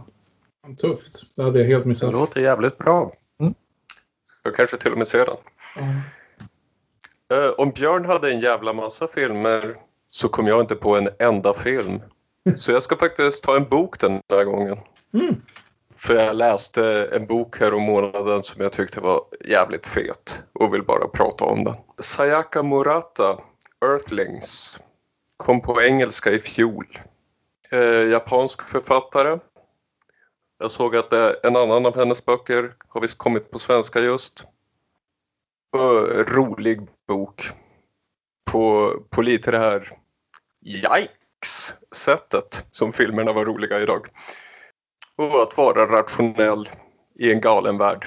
Det är bara att vara galen det. Det handlar om Natsuki, en tjej som är typ 11. Som inte vill bli en del av fabriken som håller igång människosläktet. Skaffa man och barn, etc. Och hon har ett leksaksdjur som är en utomjording, kanske hon själv en utomjording. Hon vill fan inte växa upp och bli en earthling, en, en människokugge i det här maskineriet. Hon blir vuxen och fortsätter kämpa emot efter bästa förmåga. En riktig jävla rökare till bok. Kort. Content warning för precis allt. Det, allt. och, men med en sådär rolig, lättsam ton. Eh, väldigt bra bok. Sayaka Murata, Earthlings. Min tanke gick så här att eh, våldtäktskultur handlar inte bara om våldtäkt och hämnd handlar inte bara om våld. Eller jag, jag väljer en av mina favoritfilmer om juristlivet, nämligen Legally Blonde från 2001. Hård right turn. och alltså jag Mer kommer Jennifer först... Coolidge. Ja, det var därför jag kom att tänka på Legally Blonde. Det erkänner jag. Men, men och, nej, som jag har en viktig roll eh, i, även i den filmen. Och eh, sen kunde jag inte sluta tänka på Legally Blonde när, när jag satt och såg på Missing Woman. De, de är inte speciellt lika filmer, men, men, men så här. Legally Blonde handlar ju om att huvudpersonen särbehandlas i den här manliga miljön som juristvärlden kan vara. Inte minst i USA, tänker jag mig. Och att världen lyckas förbli relativt manligt kodad trots att fler kvinnor tar sig in i den. Och att, att det är en värld där det inte är tillåtet, som filmen visar upp det, att vara kvinna eller, eller kvinnlig och där en kvinna förväntas både passa upp på män och att utsättas för sexuella trakasserier. Och att även om det sexuella våldet inte blir explicit i den filmen så är det det Legally Blonde vill skildra ändå en del av den vardagliga våldtäktskulturen som filmen också lyfter fram. Ja, men det här kräver ändå någon slags hämnd från vår huvudperson av det mer vardagliga slaget. Men, men ändå, det här som de här männen gör, det kräver att vi, vi, må, vi måste sätta dem på plats. Så, mm. så att jag tänkte att den här filmen vill jag lyfta upp för att visa på lite, lite det mångfacetterade behovet av kvinnliga hämnare i vår samtid. Härligt! Koreanska regissören Chang Dong-Li blev väldigt uppmärksammad häromåret med sin fantastiska film Burning, eller Bränd var den väl på svenska. Eh, men det var inte den första fantastiska film han har gjort. Eh, utan han har tidigare gjort både Secret Sunshine och den som jag tänkte prata om som heter Poesi från 2010. Eh, en film där en koreansk farmor har behövt ta hand om sin, sitt tonåriga barnbarn efter att pappan flyttade iväg långt för att eh, jobba. Och den här tonårsbarnbarnet är allmänt lite sur och småtjock och sitter mest vid datorn och är inte alls så hjälpsam runt om i huset som farmor vill. Eh, och sen dör en flicka från hans high school. Eh, och det visar sig att orsaken till att hon hoppade från en bro var att hon har blivit gruppvåldtagen och eh, farmors fina barnbarn är en av våldtäktsmännen i fråga. Varpå föräldrarna i de flesta fallen till de här killarna men farmor då, i, i, eftersom inte pappa finns närvarande, samlar sig och kommer såklart överens alla de andra om att sticka till den här flickans familj några tusen, för de är en ganska fattig familj och så länge som de inte snackar för mycket med polisen eller drar för mycket uppmärksamhet till sig så är det bara att gå vidare med våra liv. Det var en fattig flicka som dog, det händer hela tiden.